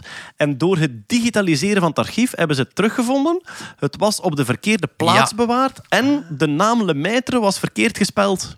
En dat is de reden waarom dat zo lang eigenlijk Een, kwijt mede- een geweest is. medewerker herkende Lemaitre meteen op de beelden. Chapeau aan die medewerker, want ik Absoluut, had hem niet meteen herkend en besefte dat de schat was gevonden. Ja, en eh, ehm, eh, Els, hè, eh, die er vandaag niet bij is, eh, Els liet ons nog weten dat in het VRT-archief er ook ooit een verloren gewaande Doctor Who-aflevering teruggevonden Ja, dat heb is. ik gehoord. Ze heeft Ja. dat ergens gezegd. Ja. Ja, voilà, een van die, een van die oude, oude afleveringen. Want de BBC heeft niet alle afleveringen meer Aha. van de oorspronkelijke Nee. Doctor Who. Enfin, En de VRT heeft dat blijkbaar ook ooit uitgezonden. En ze hebben daar een tape gevonden, ook in dat archief. Eh, ja, dus daar moet nog het een en het ander liggen. Ehm, ja, misschien ook wel de kleitabletten van de stad Oer, die daar eh, misschien eh, ooit kunnen teruggevonden worden. Peter, je hebt er lang op gewacht en likkebaardend wacht je op dit moment. Maar er is toch wel Romeinennieuws, eh, zeker? Ja. Wat is er? het gaat Wat hebben ze nu weer ontdekt over die Romeinen? sloebers. Ja, het gaat over beton. Ik vind het Beton. geweldig, hè? Romeins beton. Beton, betos, betojon. Dat is Grieks, hè. Op on is het, dus beton. Ja, ja, ja, ja, ja. Eén beton, Ja, ja. twee beta. Beta. Ah, beta. Ehm, maar ehm, Nee, nee. Eh, spreken we dan over beton zoals wij het kennen? Want eh, Eh, wat is de definitie van beton? Dat ja. ik die zin ooit nog moet uitspreken. Wat is de definitie van Dan beton? in Vlaanderen, De definitie van alles... beton is dat jij ehm, een mengsel hebt van eh, zand, eh, stenen of, of, of brokstukken, Ja. of gruis, wat, wat, hoe moet je het noemen? En dat ehm, aan elkaar gebonden met een soort, ja, hoe moet ik zeggen, minerale lijm. In Wat- onze tijd is dat cement. Ik- Ik geloof, wacht, van de weinige keren... Ik heb mijn, ik heb mijn onkel, die tuinarchitect is, heb ik ooit geholpen met zo hè, een betonmolen enzovoort. En ik dacht dat er toen iets was van 1, 2, 3. Eén Oh, dat deel... wel. Dat, ja, ja, deel ja, dat, twee delen dat, drie deel dat. en dat zullen dan kiezels, zand en cement En geweest cement zijn. en dan water erbij natuurlijk. Om, eh, voilà. En dan krijg je dus een, een reactie waarin het cement uithardt. Dus dat wordt, eh, hoe zal ik zeggen, een mineraal, mineraal polymeer. Of hoe moet ik dat noemen? Nee, het zal geen polymeer zijn. Maar De chemische, ja, de Ja, chemische krijgt een kant chemische reactie waarin dus dat een, in een bepaalde vorm dan na een tijd gaat uitharden. Ja. Ja. De Romeinen kenden dat al? De Romeinen kenden dat al. Het is ook al bekend van de Feniciërs, de Egyptenaren en de Grieken. Die kenden al een bepaalde vorm van beton. Nu, de Romeinen hebben het geperfectioneerd en op zeer grote schaal gebruikt. Die mannen hebben daar alles mee gebouwd. Maar dat je zand, dat je zand en kiezels mengt, dat snap ik. Maar waar, waar vinden die... eh, hoe, hoe kom je erop dat je een bepaald mineraal nodig hebt om dat te doen vastkoeken? Ik weet het niet. Dat, hoe dat, wie dat daar ooit mee begonnen is. dat Human endeavor. Ja, Freak ja. accident. Ja. En, en oké, nu gebruiken wij cement. Dat is een soort calciumsilicaat. Dus een, een, een verbinding van siliciumsilicaten, wat ook Zand, hè? kwarts, kwarts en zand. Hè, ja. En dat gebonden met calcium. Maar vroeger gebruikten ze ongebluste kalk. Oké. Dus ongebluste kalk, hoe doe je dat? Eh, je pakt een grote oven, je gooit daar allemaal schelpen in. Je stookt dat heel hard en dan krijg je dus een soort wit poeder dat eh bijtend is. Want dat is calciumoxide. We gaan even... Dat is chemie, hè? Calciumoxide. Ja, ja, dus maar we gaan even terug... eh, Calciumcarbonaat. Je, je begint met calciumcarbonaat, Ah, dat is kalk. ik, ging, ging het zeggen, we, gaan, we gaan even beginnen van de schelpjes. Eh, De schelpjes Veel is- van die kalkdieren, we hadden het er net ook al, over, koraalrif. Veel van die kalkdieren die halen, ik denk, CO2 uit de oceaan. En met kalk maken die daar calciumcarbonaat Calciumcarbonaat van. ja. Dus- CaCO of Drie. C- CaCO3? Ja, dus je hebt Calcium CO3. Ja. CaCO3. Ja, want calcium is tweewaardig positief, CO2 is tweewaardig negatief. ja, meneer Berks. En ehm, dat is natuurlijk... Moeten we eh, dat kennen voor het examen? Ja, ja, dat is morgen over. Ja, dat En- moet je kennen voor het examen. Dat gebruiken enfin, zij als bouwmateriaal. Hè? Want als, als een... Nee, als nee, nee, nee, nee, nee. eh, de, dingen, ja, die de schelpen. De schelpen. ja, Want als, als organismen een bepaalde stof omzetten, moet je altijd vragen waarom doen ze het. Zeker als ze er energie aan toevoegen. Ja. En hier is dat, ja, omdat die schelp een beschermlaag wil. En dus die gebruikt dat calciumcarbonaat als, Een als, versteviging en een bescherming. als bouwmateriaal voor de schelp. En de Romeinen dachten, haha, wij pikken uw bouwmateriaal en wij Ja. zetten dat om in ongebluste kalk Ja, dus wat gaat je doen? Je gaat die calciumcarbonaat verhitten, waardoor de CO2 ontsnapt. Ja. En dan krijg je dus CA CO3, CO2 gaat weg, dan blijft er één zuurstof over. Calcium is tweewaardig positief, zuurstof tweewaardig negatief. CaO, calciumoxide. CAO, collectieve arbeidsovereenkomst eigenlijk. Ja, maar het is met een kleine A. Dus Chief, CAO. chief, chief van CaO, dus, en dat is Calciumoxide. ongebluste kalk. Als je nu dat gaat mengen met water, dan krijg je, ehm, dan krijg je calciumhydroxide. Calcium O. CaOH2. Oké. En ongebluste kalk is, is bijtend, net Is omdat hij omdat hè? nog wil ja, binden ja, iets. ja, dat is Of bijtend. omdat die reageert met water in uw huid of zo. Of, eh, Dus wacht, het is eh, calciumhydroxide gaat je mengen met water en dan krijg je ongebluste kalk. Oké, dus eh, calciumhydroxide. En als je dat aan de lucht laat, dan gaat je terug calciumcarbonaat krijgen. Want dan gaat die CO2 terugbinden aan die calcium. Dan krijg je eigenlijk de cirkel dan rond. Maar we zijn bij de Romein. Die heeft schelpjes in zijn oven gestampt, heeft dat heel hard verhit en daar komt een wit poeder uit. Ja, en dan meng je dan met water. Ongebluste kalk heb je dan. Voilà. En dan, als je dat gaat mengen met zand en met stenen, Oké. dan heb je een vorm van beton. Zou, zou ik dat kunnen met schelpjes die ik vind aan de Noordzee? Ja. Oké, dus ik kan gewoon... Maar ik heb... Maar die niet- zandkastelen daar, die gaan steken. Oh, amai. ja, ja. Zo, zo is de Vlaamse kust ontstaan waarschijnlijk. Ja. Die wolk ik niet. Door Maar enfin, goed. Wat is nu, was nu de vernieuwing die de Romeinen hebben gedaan? In de eerste plaats hebben zij daar nog iets extra aan toegevoegd. Ze hebben daar een bepaald vulkanisch gesteente, gesteente aan toegevoegd. Uit de buurt van de Vesuvius. Maar die komt er ook bij. Dit is echt. Ja, dit is ja, echt ja, als, ja, als ja, het ja. nog met vissensoep is, En dan dan was Pompeii. Die, de zogenaamde En als- Pozzolana, die komt van... Als Kikero er nog eens op komt dansen Amai. of zo. Ja, wat is het nu weer? Deze, deze is gelijk bait voor, voor Peter geweest in deze maand. Dat zou niet alle wegen leiden Ja. naar Rome, maar alle wegen Komt- leiden naar de Vesuvius. En het geheime ingrediënt was garum. Garum, ja. Het kwam uit de buurt van eh Pozzuoli, dus dat is in de buurt van Napels. Daar, wordt, daar wordt dat gesteente gewo- eh, gewonnen, getel- gedolven. Ja. En dat hebben ze in al die beton gemengd. En dat werd zelfs in alle delen van, naar alle delen van het Rijk geëxporteerd. En dat maakte het beter. En dat maakte het beter. Dus die beton harde sneller uit, bleef steviger. En die kon zelfs nog beter uitharden onder water. Dat kan beton sowieso al wel, maar dat, ging, dat, dat bleef nog veel harder. Wacht, dus beton hard uit onder water. Onder water, ja. Voor uw onderwater Colosseum, Kurt. Oeh, maar oké, ze, hebben dat- ze hebben dat blijkbaar allemaal getest. Dus je kunt beton laten uitharden onder water. Dus je moet dat gewoon in, in een bekisting doen. Je, maakt dat, je, je, je schermt dat wel af. Ah ja, oké, oké. Ja, je schermt dat wel af, maar daar kan wel water aan. Aan de buitenkant, Aan de ja. buitenkant. Maar de chemische reactie gaat wel Maar door. de- ja, voilà. Maar, eh, dus het grote, het grote verschil is, beton nu eh, wordt rot na een tijd. Daar komen barsten in, daar Betonrot. water. Ja, dan krijg je betonrot. Ja. En ze hebben zich altijd afgevraagd, hoe kan het dat constructies van de Romeinen van 2000 jaar oud nog altijd in perfecte staat zijn? Die beton is niet rot. Zit er beton in het Colosseum?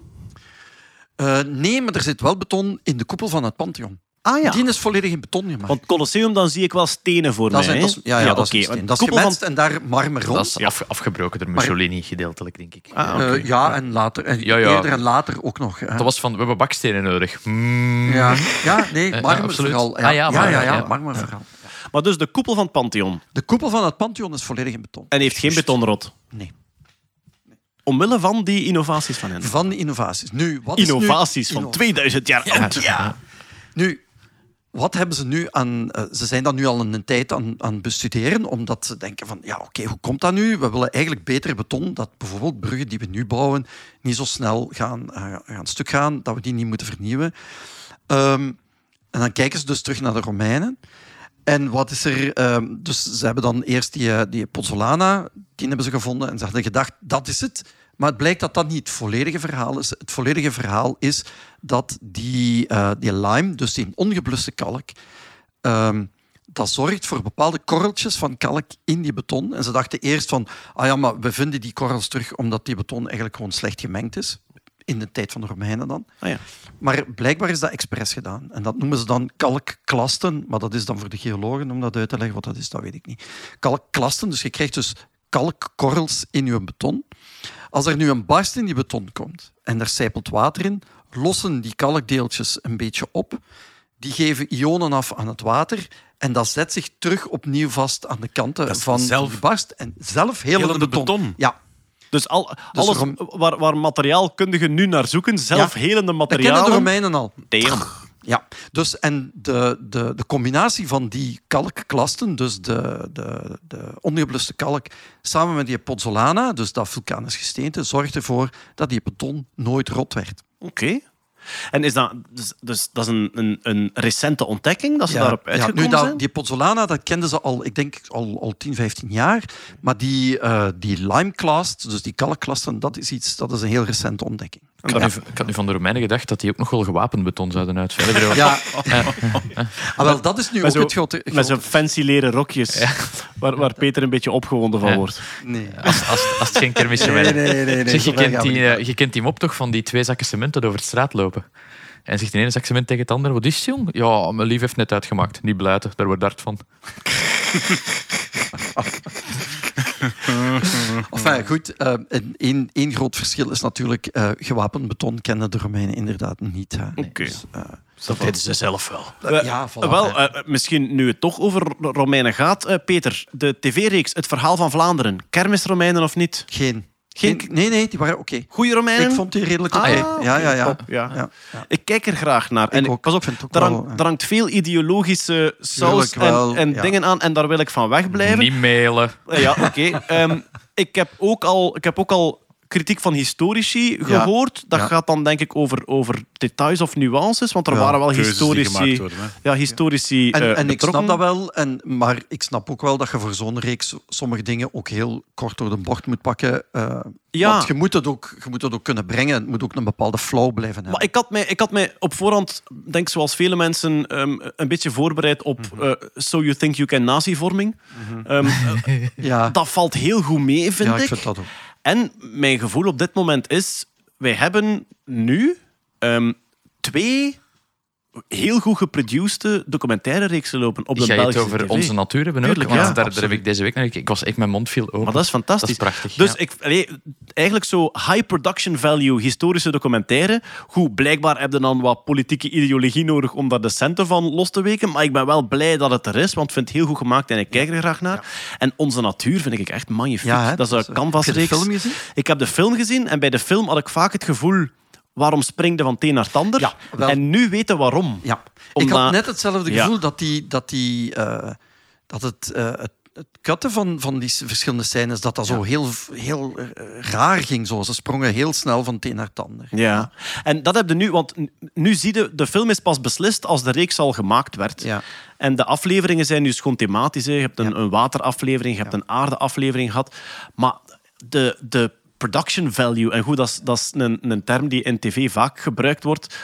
Production value is dat je ziet van, oké, er is echt tijd en werk gestoken in de mooie shots. En de traveltjes daarin en heel dit is, dicht dit is bij de echt, dieren Dit is komen. echt wat je van de BBC zou Ja, voilà. Ik vind, Ja. ik vind dat je kunt het er langs leggen, absoluut. Ik heb wel ja. schrik van eerst naar het verhaal van Vlaanderen te zien en dan naar Onze Natuur. Ik heb altijd schrik dat tijdens Onze Natuur Tom Waas opeens in beeld loopt. Om zo, om zo wat dierenschrik aan te jagen. dan blijkt het toch een geile bever te zijn die, eh, die je opeens eh, ziet verschijnen. Ook wat als ze met Wim Obroek zijn stem gedaan. Wim Obroek heeft zo'n mooie stem. Dat is zo, Is ja. ik, ik, Wim Obroek zat in mijn hoofd, en alle, alle excuses Wim als je luistert, maar als een eerder heese, bulderende theaterstem. En, Je hebt te veel naar het eiland ik, gekeken het, ja, ik, ja. ik ben niet zo bekend met de man zijn oeuvre, maar ik verschot er echt van hoe helder en hoe mooi Heel dat hij was in Onze. Natuur. Ja. Absoluut. Ja, ja, ja. Eh, voilà. En Niet, ja, uit, in de Film Gloria, is het- uit in de Gloria zou het niet afleiden. Voilà, maar- ja, het In is- de film is het Matteo Simone die het doet. In de film Ah, is ja, Matteo Ik die ook Simone, eigenlijk niet slecht. Ja, ja, ja, zeker. Ja. Maar enfin, ik zeg het, ik heb de film graag gezien, maar nu dat ik de reeks zie, denk ik, oeh, dit is echt, eh, dit is nog een, stuk, stuk mooier, stuk voller van verhaal ook. Onbekijkbaar met Poncho wel. Die blaft naar het scherm en die zegt van... Er staat godverdomme een vos in het magische raam. Die zegt dat echt. Zie je deze niet? What the fuck? Je springt naar Even tv ook. terug naar de beton. Ah ja, sorry. Het beton. Beton Romanum. Ehm, wat mij het meest verbaasd heeft in heel dat onderzoek is... Het Romeinse Rijk is in elkaar gestort en er is in de middeleeuwen tot in de jaren 17 of zelfs begin jaren 1800 geen sprake meer van beton. Ah, dat is een dat van is de vergeten. verdwenen in de donkere Ja, middeleeuwen, zoals ja, het en- gaat. Ja. En eerst, we hebben er, oké, we hebben een paar mensen over gepraat en en ze zeiden van, ja, maar misschien is dat nergens gedocumenteerd en is dat altijd mondeling overgeleverd van, hoe moet dat met die aannemers? Betonmondeling doorgeven, denk Ja, dat nee, dat ja, aangenaam nee. is. hè, dat- Maar, maar ehm, de, de Romeinse architect, bouwheer, of hoe moet je dat zeggen, die een aantal eh, geschriften heeft geschreven over constructies, dat is Vitruvius. En die beschrijft eh, hoe dat je beton moet maken. Dus die zegt één deel dat, twee deel dat, drie deel dat. ja, ja, ja. Hij noemt het opus, opus caimenticum. Dus nu weten we ook waar eh, cement vandaan komt. Is echt? Ja, ik denk dat. Allee, dat is mijn redenering. Maar fijn, goed. Maar het verbaast mij dat eigenlijk 1500 jaar een stuk geen beton meer gebruikt is. Inderdaad, maar laat ons zeggen, we zijn ons schade aan het inhalen wat dat betreft. Ja, dat wel, Ja, hè? ja, ja, voilà. goed. Dus eh, vanaf nu Romeinse beton terug een hype en zelfhelend. Voilà, Romeinen- Dus- Allemaal beter worden. Die Romeinen zouden zo fan zijn van onze kust. Maar Swedish, jong. zeg. is goed gemaakt, hè, maar niet zelfhelend. Hè. Niet Nee, zelfhelend. dat blijft niet. Dat blijft niet. Alright, we hebben nog eh, één nieuwsje staan. En het zou kunnen komen uit de aflevering Onze Natuur in eh, Australië. Ja. Want Oh, daar, ja. eh, daar leeft de mierenegel. De mierenegel is familie van het vogelbekdier.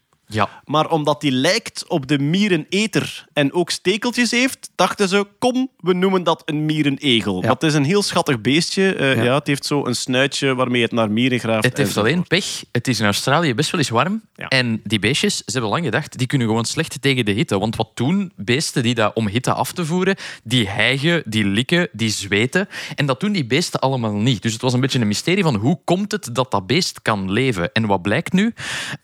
Het heeft geen zweetklieren of te weinig zweetklieren om mee te werken. Wat doet het? Ze blazen snottebellen om zich af te koelen. natuurlijk, natuurlijk is dat waarom ik het nieuwtje doe en Peter niet. Want het is, een, het, is een, het is een beetje vies en dan krijg ik het doorgespeeld. Eh, Maar ik vind Blijkbaar dat- ik op, het topje, ook op het topje van hun snuit zit een goed doorbloed stuk. En dat is eigenlijk, ja, dat is bloed. Je wilt, je- dat wordt warm. En eigenlijk door die, die te blazen op het topje van hun neus, kunnen ze dat koel houden. 10, 10 graden koeler. Ja. 10 graden. 10 graden. Ja. Gewoon, door, kunnen, gewoon Ja. door de snot op te blazen. Hoe is dat ontdekt? Dat is ontdekt door Christine Cooper van de Australische Curtin Universiteit, die gewoon opnieuw, net zoals we daar in een tijd eens een reeks dingen gehad hebben van bon, we gaan met UV-licht op een hoop beesten stralen. Juist, ja. Eh, deze heeft gewoon gezegd van bon, ik heb een thermal camera, we gaan daar eens mee rondrijden. en die konden effectief zien dat het topje van de neus van de, de, de eh, Mierenegel. mierenegel, dat dat eh, consistent koud blijft door die snot. En ze hebben nog iets anders ontdekt dat het beestje doet door het te observeren. Het maakt buiksprongen op koude oppervlakte. Dus het gaat eigenlijk een beetje hoog staan. Bommetje op een platte koude steen. Zodat de warmte van zijn onderbuik wordt afgegeven aan de steen. Prachtig. Cool. Eh, Op schaduwrijke grond of uitgeholde boomstammen. Nog nooit dingen zo gracieus op een koude steen zien vallen Absoluut. sinds de laatste conferentie van. Ja. Geert Hoster. Dus denk eraan, als je het, eh, wacht, als je het te warm hebt in de zomer, dikke snottebel op de neus. En met En een blote op een koude steen. Ja. op, de, op de kasseien. Ja, Ah, in een leeg zwembad Het zijn precies beut- peuters. Ja, In feite Ja. wel, hè. Ja, Ja, hè. eigenlijk ja. cool. Ja. Zo Van, die, van die belletjes. En het- zou het echt zo luchtbelletjes zijn met snot? Het, het Dat is zijn toch het prachtigste huilende kleuter die zo echt een groene bel blaast aan Ah, de neus. Maar dat is wel gevaarlijk, want dat dier heeft stekels. Vandaar dat hij zo'n lange neus heeft. Als hij een korte neus zou hebben, dan zou dat belletje direct poppen met zijn Ah ja, stekels. tuurlijk. hè, Ja, het is ver. Snot in zijn snap het. ogen. Ah, ja, ja. Voor dat beest is dan een meter verder. Ja, hè. ja, ja. Dus, ik snap het. Eh, eh, Het behoort trouwens eh, samen met het vogelbekdier tot de cloacadieren. Dus Ja. het zijn eierleggende, eh, Zoogdieren. eierleggende zoogdieren. En cloacadier is, wordt nu mijn nieuw scheldwoord, denk ik. Hè? Als, eh, oh, als verkeersagressie-woord. Dat je zo... je wordt de pas afgesneden. Cloacadier! Het ook wel een beetje een koosnaampje hebben. Mm, een cloaca die. Trouwens ook Oh. geen, trouwens ook geen is uw pick-up line. De vrouwtjes hebben ook geen tepels. Hè. Melk ik heb, ik heb het gewoon gehad over de uit- mierennegel. Ja, Ja, ja, ja, Oké, ja, ja. En het, en het vogelbekdier. Ah ja, is De? De melk, de melk zijpelt gewoon uit klieren uit de huid. Allee. Ja. Wat, dan moet hij een baby zo zoeken waar dat, dat vandaan Ja, ja, ja. Ja, het is allemaal op dezelfde plaats, maar Ah, er zijn geen echte borsten of tepels aanwezig bij die dieren. Oké. Die Melk, lekt gewoon Ja, melk. je lekt melk. Ja, melk, Zalig. Je lekt melk zweten. Ja. Ja. Want eh, eh, vogelbekdier is zo vroeg afgesplitst van de rest van de zoogdieren dat dat toen nog eierleggende beesten waren. Dat zie je er wel aan, moet ik zeggen. Dat hij, dat voor het einde van de les vertrokken is. Ben je ingeknutseld? Ja, ja de, rest, de rest doe ik zelf wel. Jij had beter wat opgelet. Ja. Voilà, daarmee zijn wij helemaal eh, rond voor vandaag. Maar we hebben natuurlijk nog een paar mededelingen. Ja, zowel eh, ik ben op tournee met mijn AI-voorstelling. Hetty is ook nog altijd op tournee met Missie 2022. Een eh, overzicht van het wetenschapsnieuws van het voorbije jaar. Die zij tot een theatervoorstelling verwerkt heeft. En ja, haar tickets staan op hettyhelsmoortel.be en de mijne op lievenscheire.be. Jeroen, je hebt nog altijd een metaverse-lezing. Ja, na de oproep vorige maand heb ik toch wel wat leuke aanbiedingen gekregen om die ergens te gaan. Morgen ga ik ze voor een vereniging van tandartsen geven. Dus het komt uit, uit, uit, alle, uit alle plekken van de wereld. Het Hier- tandartse metaverse. het tandartsen metaverse. Virtueel poetsen voor kinderen. Ik moest daarvoor een titel verzinnen die iets te maken met tanden te maken had. En ik moet Sophie bedanken, mijn vriendin, die zegt van ja, het metaverse is dubbel punt, doorstaan ze de tand des tijds. Ik zeg van Mooi. oh, Schoon. schoon. Schoon. Ja, Mooi, dus, dat, mooi, eh, mooi. voilà. dus ja, die, die doe ik nog altijd en ik doe die heel graag. Dus, eh, Voilà. Wij hebben ook een nieuwe Nerdland podcast live gepland. Dus Ah we ja, gaan klopt. een eh, live podcast opnemen in de Arenberg in Antwerpen. En dat zal zijn op 22 april. Eh, schrijf de datum op. 22 april staan wij met de podcast live in de Arenberg in Antwerpen. Tickets zijn te krijgen op nerdland.be. Op dit moment zijn het al eh, de laatste tickets, dus wees er nog snel bij. Ik heb gehoord dat het, eh, dat het snel gaat. Dus, Voilà. En dat was vorig jaar super gezellig. En dat is eigenlijk Ja. basically met een, een hele zaal vol Nerdland-fans je favoriete jingles meezingen en eigenlijk live zien hoe de saus gemaakt wordt. En dat Ja. is eigenlijk heel plezant. Er zijn ook een beetje visuals bij. dat, Ja, voilà. Het wordt een feestje sowieso. Mijn DNA-show die is uitgezonden op eh, VTM. Die staat nu ook gratis op VTM Go. Dus je kan die online bekijken, zowel de ingekorte versie als de volledige versie van twee uur. Maar die staat ook op Spotify. Je kan die ook beluisteren. Dus op Spotify kan je zoeken op DNA Lievenscheire. Dan vind je die show in het Nederlands. En hij staat er toch ook wel in het Engels op, zeker? Allee. Ja, ik heb hem drie keer in het Engels gespeeld en eentje daarvan hebben we opgenomen. Die staat nu op Spotify. Ik zou zeggen, stuur door naar al je ja. internationale vrienden. Ook een tip voor onze Nederlandse luisteraars die waarschijnlijk via de geoblocking niet op VTM Go kunnen kijken. Die kunnen er dan naar luisteren op Spotify. Tenzij ze bij hun vriend eh Vinnie Peter Neuker, Neukermans gaan kijken. Oké, en uiteraard, Jeroen, hebben Ja. wij een sponsor deze maand. Ja, en onze sponsor is Loop Earplugs. Ik denk dat jullie er al van gehoord hebben. Het is een, een, een Belgisch ik bedrijf. heb Loop Earplugs, Je maar daarover, Ja. la- daarover Lieve later een meer. hipster. Ja, wow, het is een, een, Het is een, een Belgisch, supercool dingetje. Belgisch bedrijf, opgericht in 2016. En eh, het zijn eigenlijk eh, twee vrienden die gezegd hebben, die last hadden van beginnende tinnitusverschijnselen na een nachtje uitgaan. En die eigenlijk een beetje gezegd hebben van het is zo normaal dat wij zonnebrillen dragen om ons beschermen tegen de zon. Dat is, daar kijkt niemand nog raar van op. Terwijl oordopjes... De laatste jaren wordt het beter lang gezien zijn als... Allee, waarom doe je dat nu? Ja. En dat is eigenlijk de, de missie van Loop Earplugs. En dat zijn, eh, ja, dat zijn eh, dus passieve, passieve oordopjes. Er is geen actief element in, maar dat is volledig via de fysica ontworpen. Ehm, dat Geen active noise eh, Nee. cancelling, dus er zit geen elektronica aan die dingen doet, maar het is gewoon echt, ik heb ze hier nu vast. Hè. Het is eigenlijk akoestiek op en top, namelijk aan de ingang, dus de geluidsingang naar uw oor, daar zit een cirkeltje aan en dat is een soort donutvorm en die heeft, ik denk, ja, een soort diameter van anderhalve centimeter zal dat zijn. En dat cirkeltje heeft een paar openingen en dat is dus minutieus ontworpen om bepaalde frequenties lager, dus met een lager aantal decibel naar uw oor Ja. te brengen. Dus het is een soort, nee, ik vind het een soort ingenieuze mechanische geluidsfilter en je kunt ze kopen in eh, vormen met die eh, min 18 dB zijn en min 27 dB. Ja, voor concerten, je hebt er voor te slapen en je hebt er ook voor Engage, die omgevingsruis kunnen weghalen en dat je dus kunt babbelen met mensen op drukke locaties. Denk aan uw familiefeest, eh, om te beginnen, is heel handig. Nu, waarom hebben die mensen waarom hebben die ons gecontacteerd? Natuurlijk, Loop Earplugs, het is een goed product, maar die zijn ook gigantisch op zoek naar, naar mensen om daar te komen werken. En het is het, het, het kunnen misschien maar eh, ja, oorplugs zijn, zal ik maar zeggen. Maar er is ongelooflijk veel leuk ingenieurswerk dat erbij te kijken komt. Ehm, ja, zoeken, testen, eh, membranen, akoestische materiaalselectie, ehm, ja, eh, absorptie. Er zijn zoveel leuke fysica-vraagstukjes die hierbij te kijken komen. Het is dus echt voor de akoestiek nerds, Ja, eh, de ingenieurs en die dan Ja. ook in de testkamer willen gaan kijken welke vormen kunnen nu mechanisch best die dingen filteren Het enzovoort. verbaasde mij wel dat er eh, eigenlijk al redelijk veel volk werkt. Hè? Er werkt momenteel al een honderdtal Ja. eh, ingenieursdingen en ze willen er 200 man van maken. Dus ze zijn hard aan het uitbreiden. Dus het is een bedrijf dat zeker van plan is om te groeien de komende Ja, ja. jaren. Het heeft ook een, een immense uitstraling. Ik denk ook omdat ze zo een, een, een mooie mechanische vorm hebben en dat mechanisch principe zijn ze echt wel gegeerd. Meer zelfs, ze waren de vaste earplugs van Tomorrowland dit jaar. En elke DJ die kwam optreden, die kreeg gepersonaliseerde loops, dus met een naam erin gegraveerd. En ik heb er ook gekregen, maar dan algemeen eh, Tomorrowland Oh. gebrande. En kijk, ja, ehm, sinds dat eh, Apple ontdekt heeft dat je die producten prachtig moet verpakken en dat het unboxen een experience moest zijn. Ik heb hier dat Tomorrowland-doosje voor mij en dat is, Dat ja, ziet er wel heel knap dat is ja. zwart met dan eh, eh, goudbedrukte grafiek en letters op. Die earplug Zit er zelf... sterrenbeelden of zoiets op? hè? Ja, inderdaad. Die earplug zelf zit dan in zo'n heel mooi rond doosje dat je dan kan openklikken. Dus het voelt heel erg ehm, Apple, eh, Apple eh, Ja. Air, AirPod-achtig aan, Ja. maar het is volledig eh, mechanisch. Ze zoeken niet alleen hardcore ingenieurs, ze zoeken designers, researchers, product developers, project en product managers, industrial designers eh, en ingenieurs. Ehm, en ja, ze zijn gigantisch aan het uitbreiden. Volgens mij, ze, willen, ze hebben mij verteld, ze willen daar een soort van speeltuin voor ingenieurs maken. En dat klinkt zeer, zeer leuk. Mensen die daar willen gaan werken, waar kunnen die naartoe?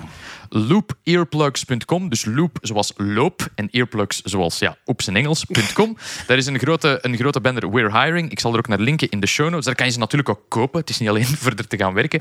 Ehm, en eh, ik moet ook nog zeggen, ze hebben een klein cadeautje. Als je iemand, zelfs als je iemand kent die eh, zegt van oh, potverdorie, jij zou wel een goede match zijn voor Loop Earplugs. Als je iemand aanlevert en ze nemen die aan, dan krijgen jullie gratis earplugs. Dus als je iemand recommend, dan krijg je... Dan krijg je gratis loops. Oké. Voilà, ja, het kan maar ding is. Dus ja, we zijn heel blij met de sponsor. Het is een op- en top Belgisch bedrijf dat met ja, toch wel spitstechnologie bezig is. Ehm, ja, Toffe speeltuin voor ingenieurs. Ik denk dat dat, eh, absoluut. dat, Ja, dat ja, het ja. absoluut kan zijn.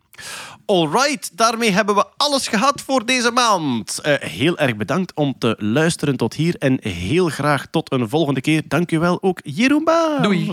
Peter Berks, Dag. Kurt Beheij. Yes. Tot de volgende. Dag.